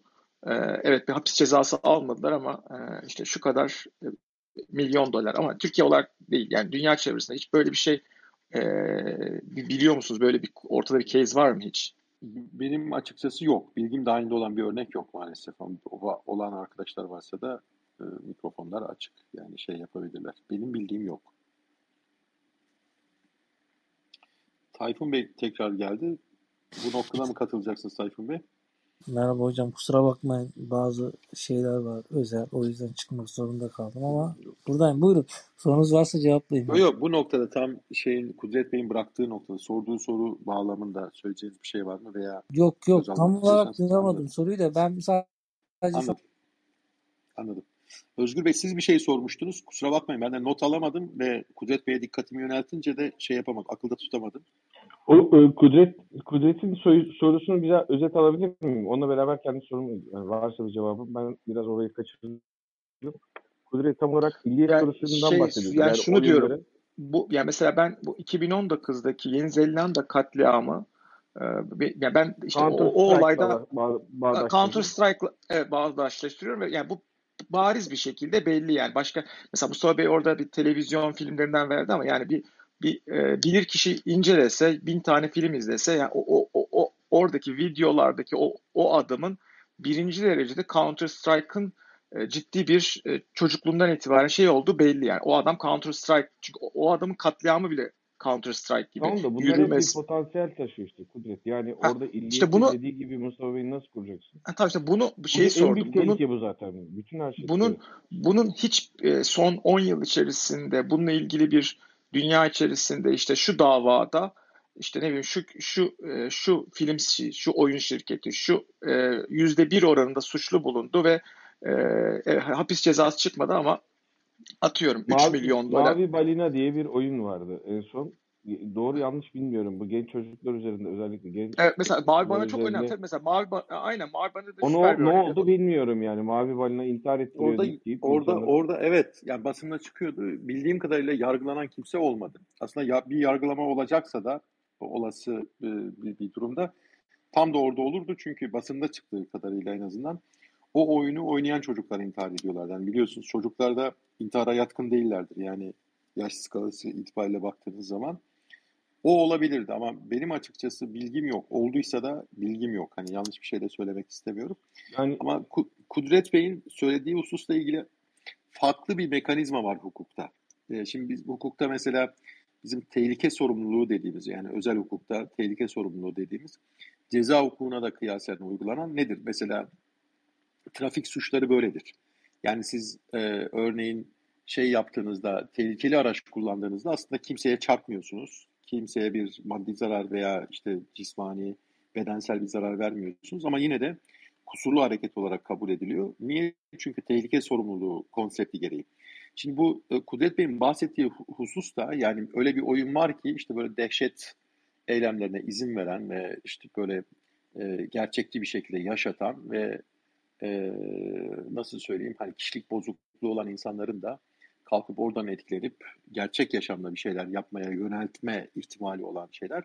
Onu belki e, nefret suçu ve nefret söylemi e, bağlamında alabiliriz. Çünkü orada da bir tehlike sorumluluğu söz konusu. Yani birileri örneğin bir film yapıyor veya bir konuşma yapıyor veya bir uygulama yapıyor. Yani işe alırken bile örneğin siyah derili olanları almıyor falan. Yani e, şimdi o, işte oralarda nefret suçu kavramı devreye giriyor. Bizim hukukumuzda da biz iade olarak bir başka oturumda nefret suçu ve söylemiyle ilgili de bir oturumumuz olmuştu. Güzel tartışmalar gerçekleşmişti. Keşke orada olsaydınız. E, bu burada da mesela bu metaverse teşkil eden uygulamalar devreye girdiği zaman belki her bir toplum yani gerçek yaşamdaki hükümranlık alanı da var sonuçta devletler var, kabul düzeni var. Onlar belli özellikler içeren oyunları yasaklayabilirler veya o oyunları kurucuların ve geliştirici, geliştiricilerini cezalandırabilirler. Hapis cezası dahil. Ama hangi kapsamda? Nefret suçu teşkil ettiği kapsamda. Yani o zaman illiyet tartışmasına girmiyorsunuz. O açıdan anlattım bunu. Böyle bir şey olma ihtimaline yol verdiği için cezalandırıyorsunuz. Bir film yapanı veya bir uygulama yapanı. Buyurun Özgür. İşte burada, burada Mustafa Bey şey çok e, e, yani devlet veya hukuk sistemi çok zayıf kalıyor. Şu açıdan oradaki e, şey bilir kişinin e, sınırlarıyla mahkumlaşıyor. Yani o hakim diyor ki işte bir bilir kişi atıyor. Bilir kişi de bunu bilecek, araştıracak, bilmem ne yapacak. Gerekli raporları belki ulaşacak yo, vesaire. Bakın Metaverse'ün o, o düzeyde etkili orada olduğu bir dönemde yok yok bakın orada yapay zekayı bir bilir kişi gibi kullanabilirler. Yani ben mesela şeye Ama, karşıyım. Yapay zekanın karar vermesine e, karşıyım ama şöyle kullanılabilir bakın. Çünkü metaverse'lerin o derece gelişkin olduğu bir ortamda yapay zeka uygulamalarının da son derece gelişkin olduğunu düşünüyorum. Yapay zekaya sorabilirsiniz. Diyebilirsiniz ki mesela burada aradığımız kusurlu hareket teşkil eden içerikler nelerdir? Bir bana dök. Döktükten sonra işte hakim ya, bakar. Çok o yapay bitireceğim. zeka öyle. Bitireceğim. Cümleyi tamamlayayım sonra e, sizden alayım lütfen şey e, bu, bu kusurlu eylem teşkil eden hususları dök bana göster. Kararı veren o değil bakın. Yapay zeka toplayıp yani e, kendi bilgi dağarcığı yetisi e, de sınırlı bir şekilde ortaya koyabilir. Orada da bir hakim bakıp bir ceza hukuku açısından bir değerlendirme yapıp orada bir suç olup olmadığına bakabilir. Buyurun. Yapay zeka bir veri seti üzerinde çalışıyor. Hemfikir miyiz? Yani Do- doğru ama arkada ama arkada bir big, big data var. Evet. Bir dakika. Bir big data var. Yani yapay zeka eğitilen bir şey. Yapay evet. zeka kendi kendine verilere bakıp ona bir şey yaptığınız bir şey değil. Bir kere eğitilmesi gerekiyordu. Ve o zamanla akıllanıyor. Şu anki teknolojiden bahsediyorum. Önümüzdeki yıllarda da bu çok fazla değişecek algoritmalar çıkar mı bilmiyorum. Ama şu anda böyle. Bu akıllanıyor. Bunun akıllanması için siz ona bir sürü veri vermeniz gerekiyor. Yani trilyonlarca veri vermeniz lazım ki gerçekten tam akıllı. Yani yoksa aslında hiçbir şey değil. Hiçbir şey bilmez. Şimdi burada yarın bir metaverse dünyası tasarlıyorsak öyle bir yapay zeka olmalı ki bu. Birinin elinde olmamalı. Birinin hakimiyetinde olmamalı. Yani bu bütün e, internete yayılmış bütün insanların ortak kullanımında çalışabilen bir yapay zeka olmalı. Ki o zaman anlamlı bir şey oluşabilsin. Bu bir. İkincisi, tıpkı blockchain gibi sizin dediğiniz bütün bu verilerin, şey, evet tıpkı blockchain gibi bu verilerin hepsi yani e, o etkiyi analiz edebilecek bütün verilerin blockchain altyapısında oluyor olması lazım ve bunun da yine public'te ve bütün insanlığa açık olması lazım. İşte o bu iki şart yerine getirildiğinde teknoloji gerçekten tarafsız bir şekilde sonuç üretebilir. Şimdi bu ikisi yoksa bu teknolojinin tarafsız olma ihtimali sıfırdır. Ben size söyleyeyim. Özgür Bey, ikincisini anlarım ve muhtemelen de olacak ama birincisi nasıl sağlanacak? Çünkü siz kendi kendine öğrenen, biliyorsunuz yapay zeka uygulamalarından bazıları hatta durdurulan projeler var. Benim okumalarından hatırladığım. Örneğin yabancı dil öğrenen ve öğreten bir e, yapay zeka oluşturuyorlar. Sonra yapay zeka kendi, e, kendi kendine dili üretmeye başlıyor. Yani insanların da anlamadığı. Şimdi yani o sınırı aşabiliyor ve orada da e, bir sıkıntı doğuyor. Projenin sahipleri bunu burada keselim diyorlar. Çünkü artık hani toplum düzenine de bir şey yapabilir. Yani Yok kapalıydı zaten. Yok o kapalı devre çalışmıştı. Mustafa Bey. Orada bir evet. globale çıkan bir şey yok. Kapalı devre. Ama işte globalde ama ama globalde olabilir. Yani sonuçta bir veri setinden oluşuyor diyorsunuz ya. Siz ona her yere erişim hakkı verdiniz misalen ve o da alabildi. Ne kadar veri varsa yani işleme kapasitesi oranında bir şeyler öğrendi. O öğrendiği şeyin onu onu söylemeye çalışıyorum. Ona İnsanlığın yararına insanlığın yararına olacağının garantisi yok. Büyük bir ihtimalle de olmayacaktır onu da söyleyeyim. Ama ona karar verdirmek zorunda değilsiniz ki. Oradan sadece bir karar mekanizması için ha, ona e, katılıyorum. Destek, zaten benim verdiğim alıyorsunuz. Evet evet benim verdiğim örnek de öyleydi zaten. Hani ben karar merci evet. haline getirilmesini doğru bulmuyorum zaten. Bunu da bir tartışmada ele almıştık.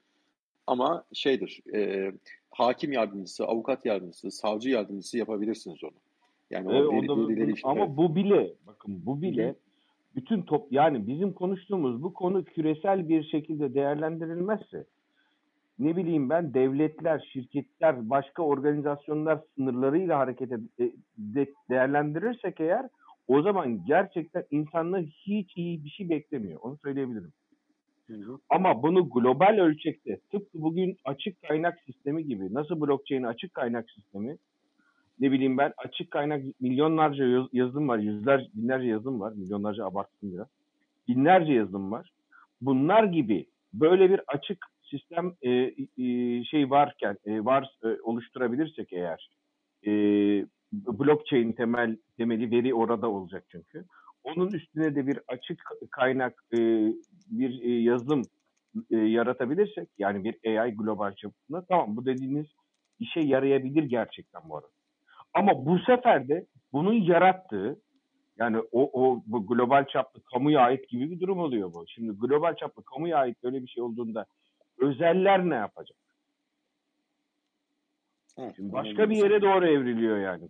Şimdi buradaki işte bütün bunlar nereye konuşmamız lazım bizim. Yani mesela gelecekteki en önemli konulardan bir tanesi gerçekten bir yazılım vaat ettiğini yapıyor muyu? Hukuk dilinde nasıl çözeceğiz? Burada mesela global global çaplı aslında bir versiyonlama sistemi gerekir. Yani hukukçunun onayından geçtikten sonra mesela blockchain'e bir smart contract gitmesi lazım. Bu Kesinlikle. hukukçu onayıyla bak bakın mesela bunlar o kadar önemli ki. Bugün mesela siz blockchain'e attığım ben bir smart contract birilerini dolandırdığında kimse bir şey iddia edemez ki. Ya edebilir Öyle ama biz Yo yo yo edebilir. Yani onu Et, biz... Etse ne olacak? Beni ki, nerede bulacak? Benim muhatap kim?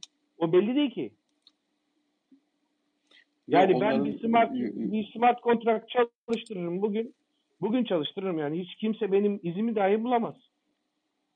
Ha herkes onu kullanır mı? Evet kullanır. Çok dolaylı izlerini bulabilir ama o hukuksal direkt bağlantıyı kuramazsınız. Ne demek istediğimi anlatabiliyor muyum? Bitti. Ben ya hayatın ben çeşitlilikte yakalanabileceğini düşünüyorum. Yani mükemmel suç Yok, onu o kadar kolay, o kadar zor ki blockchain'de çok zor. Yani ben size onun bir sürü e, şeylerini söylerim. İşte bunu anlatmaya çalışıyorum. Yani hukukun bu konuda da çok ciddi bir şeyi oluşacak. Yani e bugün dolandırıyorlar işte bir sürü ICO do, dolandırıyor. Ne yapabiliyor? Ne yapılabiliyor? Hiç kimse hiçbir şey yapamıyor yani. Yani bir sürü borsa alıp götürüyor. Bulan yok, eden Biraz yok. Hukuk, Davalar hukuk, sürüyor hukuk ve uygulaması biraz geriden geliyor ama mesela bir ne zaman açıldı bilmiyorum ama Emniyet Teşkilatı'nda örneğin 10 sene önce bir siber suçlar dairesi yoktu. Şimdi var artık ihtiyaç ve yapıyorlar. Onlar da kendilerini geliştirdiler. Bizim işte mesela siber suçlarla ilgili şikayetlerimizde falan böyle enteresan yaratıcı sonuçlar da emniyetteki arkadaşlar alıyorlar. Ya biraz geriden geliyor evet ama onun da bir yolu olacaktır. Yani siz diyorsunuz ya hmm. blockchain çok yok. farklı Mustafa Bey. Blockchain çok yo, yo, farklı. Yo, yo. Yo yo ben ben onu da gözeterek söyledim bunu. Mesela örnek vereyim size çok basit. Ee, hatta öncesinde bir anet, anekdot anlatıp sonra e, beklenmedik durumların nasıl oluşabileceğini, niye mükemmel suç yoktur dediğimi e, izah etmeye çalışayım. Şimdi ben mesela hatırladığım kadarıyla bir noter başkatibi e, yabancı bir şirketin yıllarca e, imza yetkilileri Türkiye'ye gelmediği halde sanki mahallinde gelmiş, huzurunda imzalamış gibi imza sirküleri düzenlemiş. Orada e, evraklar sahte değil yani imzalar da doğru. Ama şeyler gidiyor işte bir Avrupa ülkesine gidiyor evraklar orada imzalıyorlar. Geliyor adam seyahat etmesin diye buradaki Türkiye'deki bir noter başkatibi de onaylıyor. Güven duyuyor yani. Sonra o noterin bir sevgilisi oluyor. Ve klasiktir hani kad, e, e, böyle kıskanan kadın dünyanın en tehlikeli şeydir derler ya. E, adam da evli ve bir şekilde ilişkileri yürümüyor. Bu sırrını da biliyor. Gidip savcılığa suç duyurusunda buluyor. Kamu düzeninden de olduğu için hani ilgili ilişkili olması falan da gerekmiyor netice itibariyle. Savcı da çok kolay tespit ediyor. Nasıl tespit ediyor? E, imza sürüklerleri ortada. Ortada kayıtları var. O kişilerin Türkiye giriş çıkış kayıtlarına bakıyor. Girip çıkmamışlar o tarihlerde. Bitti. Adam evrakta sahtecilikten bayağı bir ceza aldı. Birden fazla şeyden. Şimdi mesela kripto varlıkları kullanan kişiler açısından da baktığınızda siz diyeceksiniz ki bir wallet numarasından ibaret diyeceksiniz. Ama pekala birisi bir kıskanan kadın çıkıp bunun wallet numarasının bu olduğunu biliyorum çünkü vaktiyle bir vasiyet niyetiyle bana demişti bak benim numaram bu ben ölürsem bu numara aklında olsun oradaki varlıklarım boşa gitmesin. Çıkar bu. Yani hukuk, hukukta böyle şeyler var. Yani tamam. var. Çıkar. Yani, evet. yani, yani benim kastettiğim hayatın hayatın yo yo o işin espri tarafı. Yani ama inanın mesela birçok suç öyle enteresan detaylardan yakalanıyor ki e, dolayısıyla hayatın içinde o çeşitlilik var. O, o yüzden zaten mükemmel suç yoktur diyorlar. Yani mutlaka bir açık veriyorsunuz. Ama şeye size katılıyorum tabii ki. Yani normal bir ilişkideki gibi değil tabii ki. Yani e, ne bileyim e, TC kimlik numaranızda yaptığınız bir işleme benzemiyor bu. Yani kripto varlıklarla yaptığınız işlemler. Ama mümkün. Yani yeter ki insan istesin. Mümkün ama işte bunun için gerekli irade, organizasyon da ciddi bir sıkıntı. Onu demeye getiriyorum. Yani her şey mümkündür. Yüzde yüz hiçbir zaman kaçmak diye bir şey yok ama hani bunun için ben birisi hukuka başvurduğunda bu gerçekten bunun üzerine gidebilecek bir organizasyonel yapı hareket eder mi?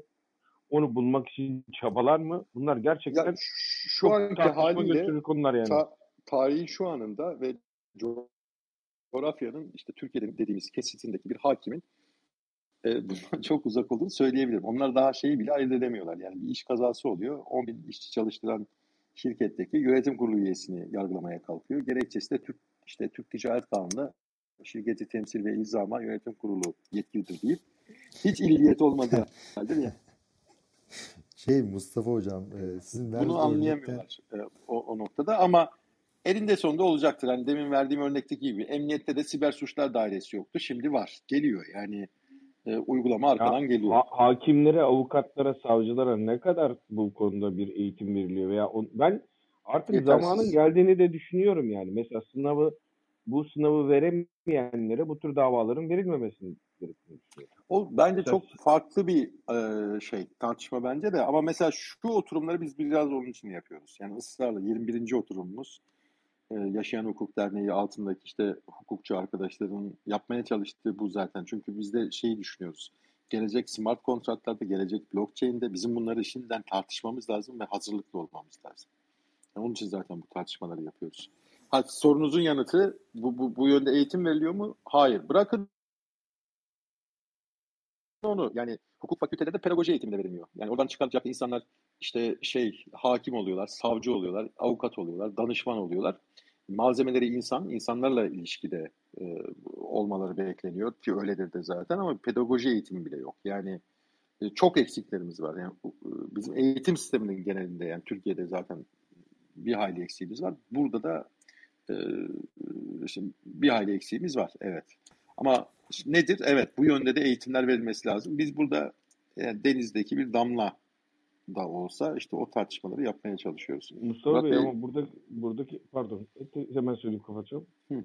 En büyük tehlike de bu bu sistemin işte yani bir tarafta sanalda bambaşka bir dünya oluşuyor. Gerçek dünya dediğiniz dünya ise böyle artık bir anda 5 yıl içerisinde şeye dönüyor.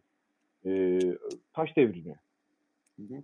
Ve bu bu gap, bu boşluk o kadar büyük ki. Kesinlikle. Yani burada kazanan kazanan galip olacak belli yani.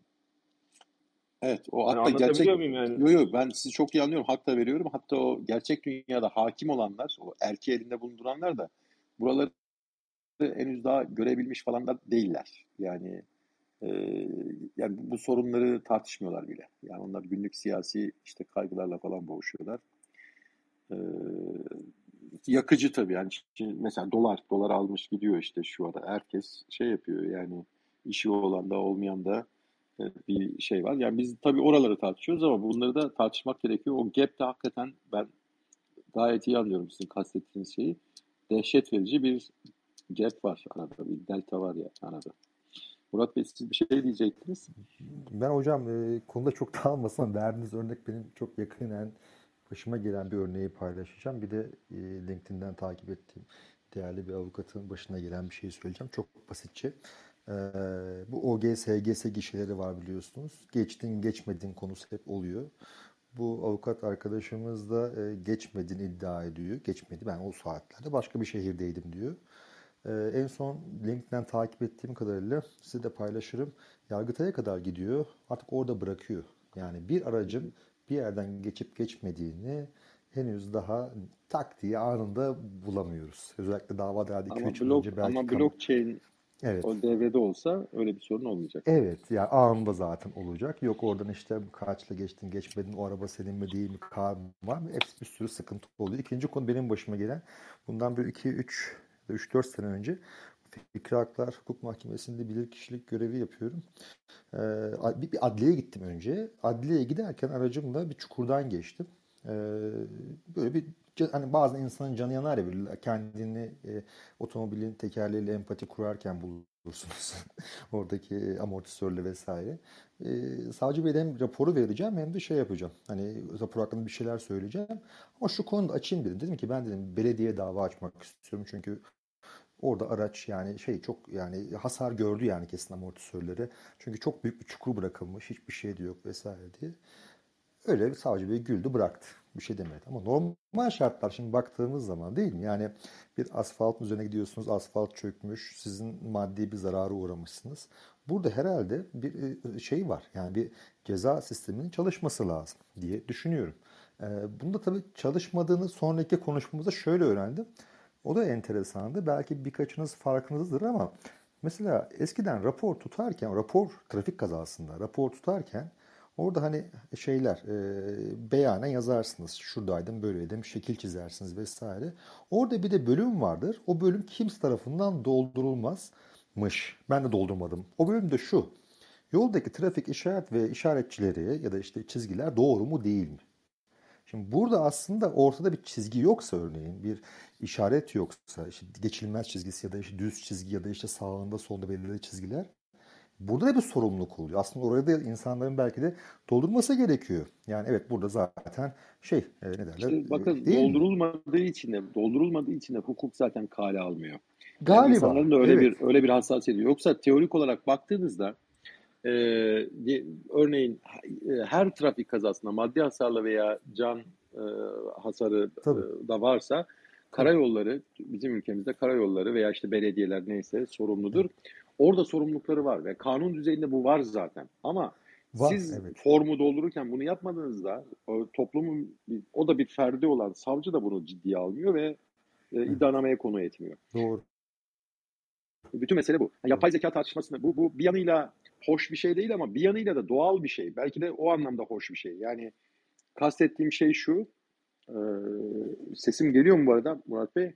Geliyor, ya, duyuyorum ha, ben. Tamam, evet. Şey, e, e, kastettiğim şey şu, yapay zeka tartışmasında da şunu söylemiştik. Hatta hatırlarsanız bir oturumda vicdanı hukuktan çıkarsak mı şeklinde bir oturumumuz da vardı. Orada var mıydınız bilmiyorum. Olan arkadaşlar hatırlayacaklardır.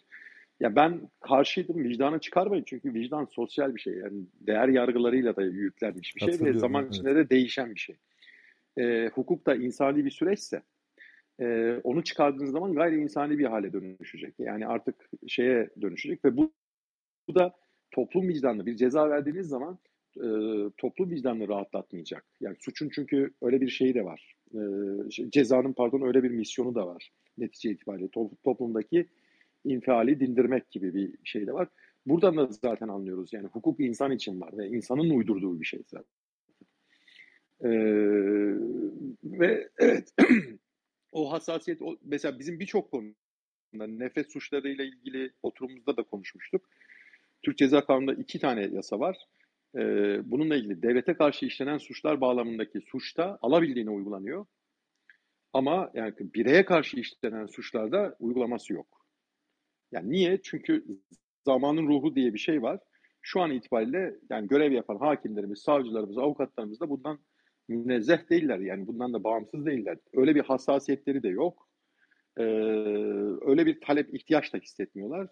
Zamanın ruhu bir yöne götürmeye çalışıyor işte bizi. Yani netice itibariyle. Yani e, ya hukuk böyle bir şey. Yani insani bir süreç.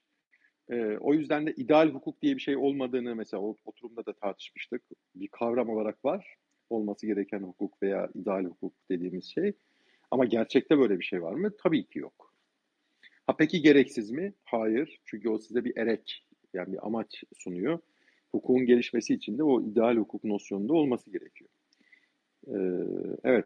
Biz süremizi bir hayli açtık. 22.40 yani böyle bir saatte sınır tutmaya çalışıyoruz ama yani bir hayli açtık. Ben burada... Tabii.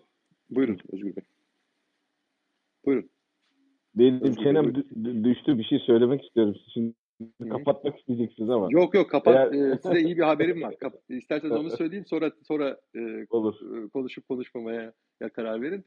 E, biz oyun sektöründen girdik. Çok da kopmadık aslında ama yani Metaverse etrafında e, konu dönmeye başladı. Ben şunu önereceğim. Bir sonraki konumuz Arzan Hanım şey olsun. Metaverse ve akıllı sözleşmeler bağlamında. Blockchain tabanlı akıllı sözleşmeler bu Metaverse oluşumunda na- nasıl rol alacaklar? Orada bu konuyu bence daha ilk anından itibaren hani sıfırıncı dakikadan itibaren daha detaylı tartışabiliriz. Burada Özgür Bey'in katkıları da çok güzeldi. Kudret Bey'in katkıları da çok güzeldi. Onları da beklerim bir sonraki oturuma. Yani önümüzdeki hafta salı 20.30'da bunları daha enine boyuna konuşuruz. Çünkü ben de büyük keyif aldım ve e, bir sürü şey de öğrendim. Farklı düşünceler e, kafamda oluştu. Şimdi siz karar verin. Yani bu cümleyi şimdi mi kullanacaksınız, haftaya mı saklayacaksınız Özgür Bey? Yok, şimdi de şimdi de kullanırım. Bağlam yerindeyken kullanmak isterim buyurun. sizde e, Öncelikle o haberdar olabilmem için beni e, eklemeniz mi gerekiyor? Ben nasıl haberdar olacağım? Evet, evet. Aslında ekleriz, ekleriz. Buradan daha kolay olur sanki. Hatta bir ee, pratik bir şey vereyim. Arzan Hanım'ı takip ederseniz e, o eklemeleri o yapıyor çünkü. E, çünkü takip etmeyen birisi olduğunda şey olmuyor, ekleme olmuyor. Tamam, Onu rica edeyim. Ben, Arzan Hanım oluşturuyor çünkü şey takvimleri. Evet. Takibe aldım. Şimdi burada önemli tartışılması gereken aslında çok önemli bir konu var. Blockchain'in bence hukuk sisteminin sağlayacağı en büyük fayda benim görüşüm ama elimde istatistiki bir veri yok. Bunu sizden rica edeceğim. En büyük fayda ticari hayat, ticari hayatın getirdiği, hukuka, hukuka getirdiği yükü azaltmak olacak. Hı hı. Yani ödediydin, ödemediydin, tahsil ettiydin hani yok sözleşmede o yazıyordu, yazmıyordu. Anlatabildim mi? Hani ticari birebir işte aldım verdim durumu. Bunun e, bütünüyle aslında blockchain tarafına aktarılması ben şöyle bir iddiam var. Ne derece doğru sizden örnek e, şey almak istiyorum. %70-80 oranında hukukun yükünü azaltır. Hı hı. Ee, 70-80'de buyurun. Buyurun devam edin. 70-80 doğru mudur bilmiyorum. Sizden onun cevabını Hı-hı. istiyorum. Yani sonra devam edeceğim. Başka bir tamam, şekilde. Tamam. Biz bunu aslında bu oturumların ilkinde, birinci oturumda bu konuya değinmiştik. Ee, yeri gelmişken oradaki görüşüm burada da yani tekrar edeyim. Yüzde yetmiş mi olur, seksen mi olur? Benim de elimde bir şey yok. Bir e, ne derler? E, bir istatistik yok ama e, şunu söyleyebilirim e, bugün yaşadığımız türden itilafları neredeyse sıfırlayacak. Ortadan kaldıracak. Doğru. Ticarette bunu, değil mi? Evet ticarette, hayatı. diğer ilişkilerde dahi. Diğer ilişkilerde dahi. Fark etmez yani herhangi bir ilişki. Yok yok. Gün, gün, bir, gün bir ticari hayatın etkisini merak ediyorum. Çünkü tabii, tabii, benim o, o... tahminimce ticari hayattaki bütün bu sözleşme bilmem o bu aldım verdim davaları zaten hukuk sisteminin %60-70'i bununla uğraşıyordur diye. Öyle ama farklı durumlar ortaya çıkacak. O yüzden biz demiştik ki biz hukukta mesela hukuk davaları itibariyle baktığınızda e, tespit artı eda. Eda hani bir şeyi yapma veya yapmama borcu. Trendyol efsane günlerin efsane... Eda, ve, e, eda davalarının da önemli bir kısmı alacak davası oluyor. Bir alım satım akdinde işte örneğin parayı gönderiyorsunuz, mal gelmiyor veya tersi oluyor falan ve o bir alacak davası açıyorsunuz. Bu tür davalar neredeyse sıfırlanacak, bitecek. Niye? Çünkü bir akıllı sözleşme devreye girdiği zaman zaten adamın e, hesabında akıllı sözleşmeye taraf olduğunda bir hesap da işleyecek orada. Kripto varlık veya döviz cinsi dahi olabilir. E, klasik paralarla. O hesapta zaten para varsa o işlem gerçekleşeceği için bütün bunlar geride kalacak. Fakat indirimleri çok ses getirdi. Gelin bu seslere kulak verelim. Trendyol'dan indirim menfi tespit davalarının sayısı artacak. Menfi tespit davası ne demektir hukukta? Şu, şu demek. Yani siz normalde... Ben aldığım tişört gelince benim sıfatı eşkal. Sizce ben Trendyol indiriminden kedime papyon almış mıyım? Trendyol indiriminde rahat alışveriş yapmak için Wi-Fi... Yani e, eski deyimle yani her davacı kendi iddiasını ispat etmek zorunda. Şifresini değiştirdim. Evdekiler ee, internet bozuldu sanıyor. Akıllı sözleşme üzerinden gerçekleşen bir işlemde artık bu ispat külfeti yerine getirilmiş sayılacak. Çünkü sözleşme doğrulamış zaten o işlemi. Öyle olması gerekiyor. O parada o Çok ses getiren indirimleri kaçırma. Uygun geçmiş zaten. Ha diğer taraf bu sonuçtan memnun değilse, aksini düşünüyorsa gidip bunun böyle olmadığını düşünüyor. Mesela şunu iddia edecek. Diyecek ki burada bir hile var. Sensörlerle oynamışlar. Örneğin bana bir FMCG sektöründe e, soğuk zincirde getirilmesi gereken şey soğuk zincir kırılmış. Ama bunu bir şekilde ki olduğu bakın şeyde e, farklı bir şekilde Volkswagen skandalı bilirsiniz Amerika'da. Emisyon ölçümleri hatta yazılıma müdahale edilerek yapıldı. E, do, dolayısıyla da diyecek ki sensörlerle oynandı, kayıtlarla oynandı, bloklardaki kayıtlar doğru ama fiziki müdahale var orada ve ben bunu kanıtlayacağım. Kanıtladığı takdirde farklı olacak. O yüzden menfi tespit tarzında davalar e, olacak, ihtilaflar Ama olacak. şu anda da vardır. Şu anda da var ama şeyi söylüyorum yani e, ya şöyle bir örnek vereyim size. Örneğin e, benim çalıştığım hukuk bürosunda Türkiye'de yatırım ortamı iyiyken %70 danışmanlık hizmeti verip %30 dava hizmeti veriyorduk. Şimdi tam tersi oldu. %70 dava hizmeti veriyoruz, %30 danışmanlık veriyoruz. Şimdi ileride de bu e, alacak davaları tespit ve eda hükmünü e, hedefleyen davaların sayısı minimize olacak, belki yok olacak ama menfi tespit tarzı davaların sayısı artacak bugüne göre. Yani bizim verdiğimiz yanıt buydu. Yakalıyor. Niye artacağını yakalayamadım. Şimdi çünkü o davaların hepsi bugün de var, olur muhtemelen. Ama oradan vuramayınca buradan vururum deyip mi yürüyecek insanlar? Yani yok, bu yok, yok, yok. Şöyle, şöyle, şöyle bir örnek vereyim. Hani e, illa işte şöyle olacak bir kabulüyle bunları söylemedim ben. Yani şöyle bir örnek vereyim. Yani diyelim ki siz bir şey satın alıyorsunuz, bir gıda satın alıyorsunuz ve o gıdanın artı 4 derece taşınması gerekiyor. Soğuk zincirin bozulmaması gerekiyor kalitesinden veya ilaç olabilir bu neyse. Ve geliyor size teslim ediliyor ve siz sözleşmede monitör ediyorsunuz. Bu artı 4 derecenin altına zinhar düşmedi. 4 ile 6 derece arasında geldi bu falan diye. Ama açıyorsunuz paketleri kullanmaya kalktığınızda ya o gıdanın veya ilacın bozuk olduğunu görüyorsunuz. Yani şimdi kalkıp yani sırf akıllı sözleşme, hukuk öyle bir şey değil ki. Yani akıllı sözleşme bu şekilde geldi, olay bitti diye bir şey yok yani. Siz Hayır, ne yapıyorsunuz? Orada zaten zaman... gönderiyorsunuz laboratuvara. Hı-hı. Analiz ediyorsunuz, analiz ettiriyorsunuz. Bu Hı-hı. gıdada da olabilir. Bu sebze geldi. Tamam, bozuk çıktı. Tamam, bozuk çıktı. Bozuk çıktı. Ne yapacaksınız? Bir dava açacaksınız, değil mi? Karşı evet, tarafta kabul etmedi sorumluluğu.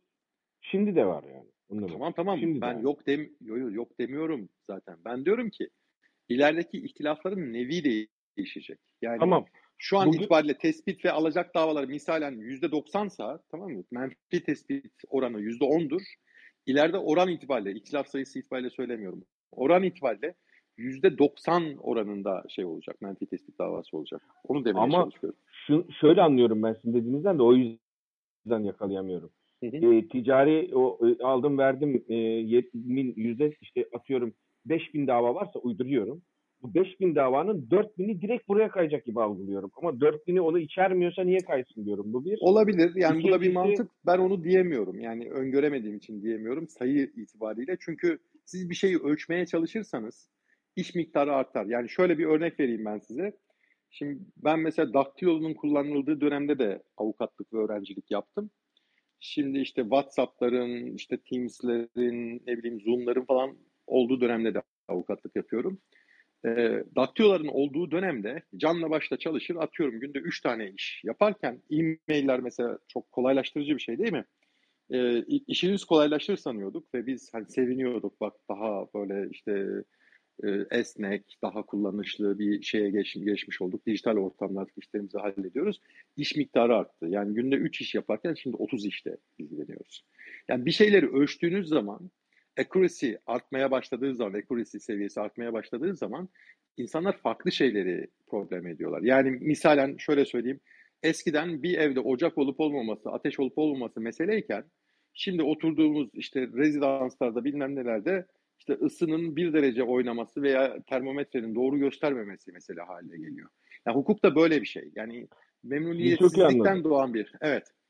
Sizi çok iyi anladım. O yüzden sayıca azalmayabilir. Onu öngöremiyorum. Azalmayabilir. Yani insan tabiatında da bu var. Hukukta insani bir süreç olduğu için.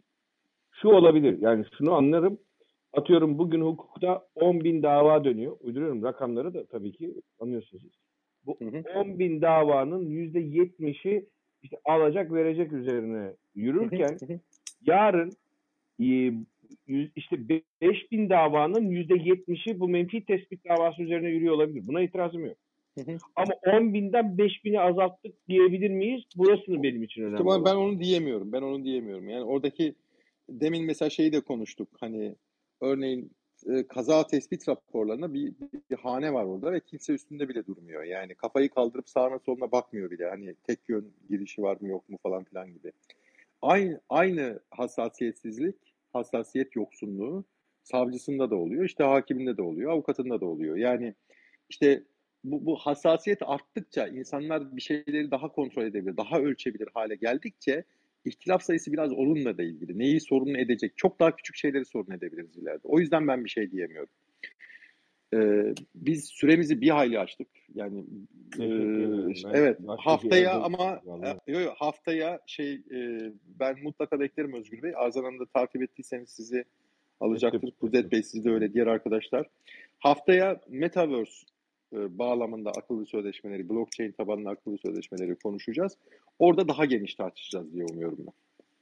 Tamam, Oldu. Başka ederim. bir söz, sözü olan yoksa kapatalım. Ben teşekkür ederim arkadaşlar. Çok sağ olun. İyi akşamlar herkese. Çok iyi akşamlar. Teşekkürler. İyi akşamlar. İyi akşamlar. Teşekkürler.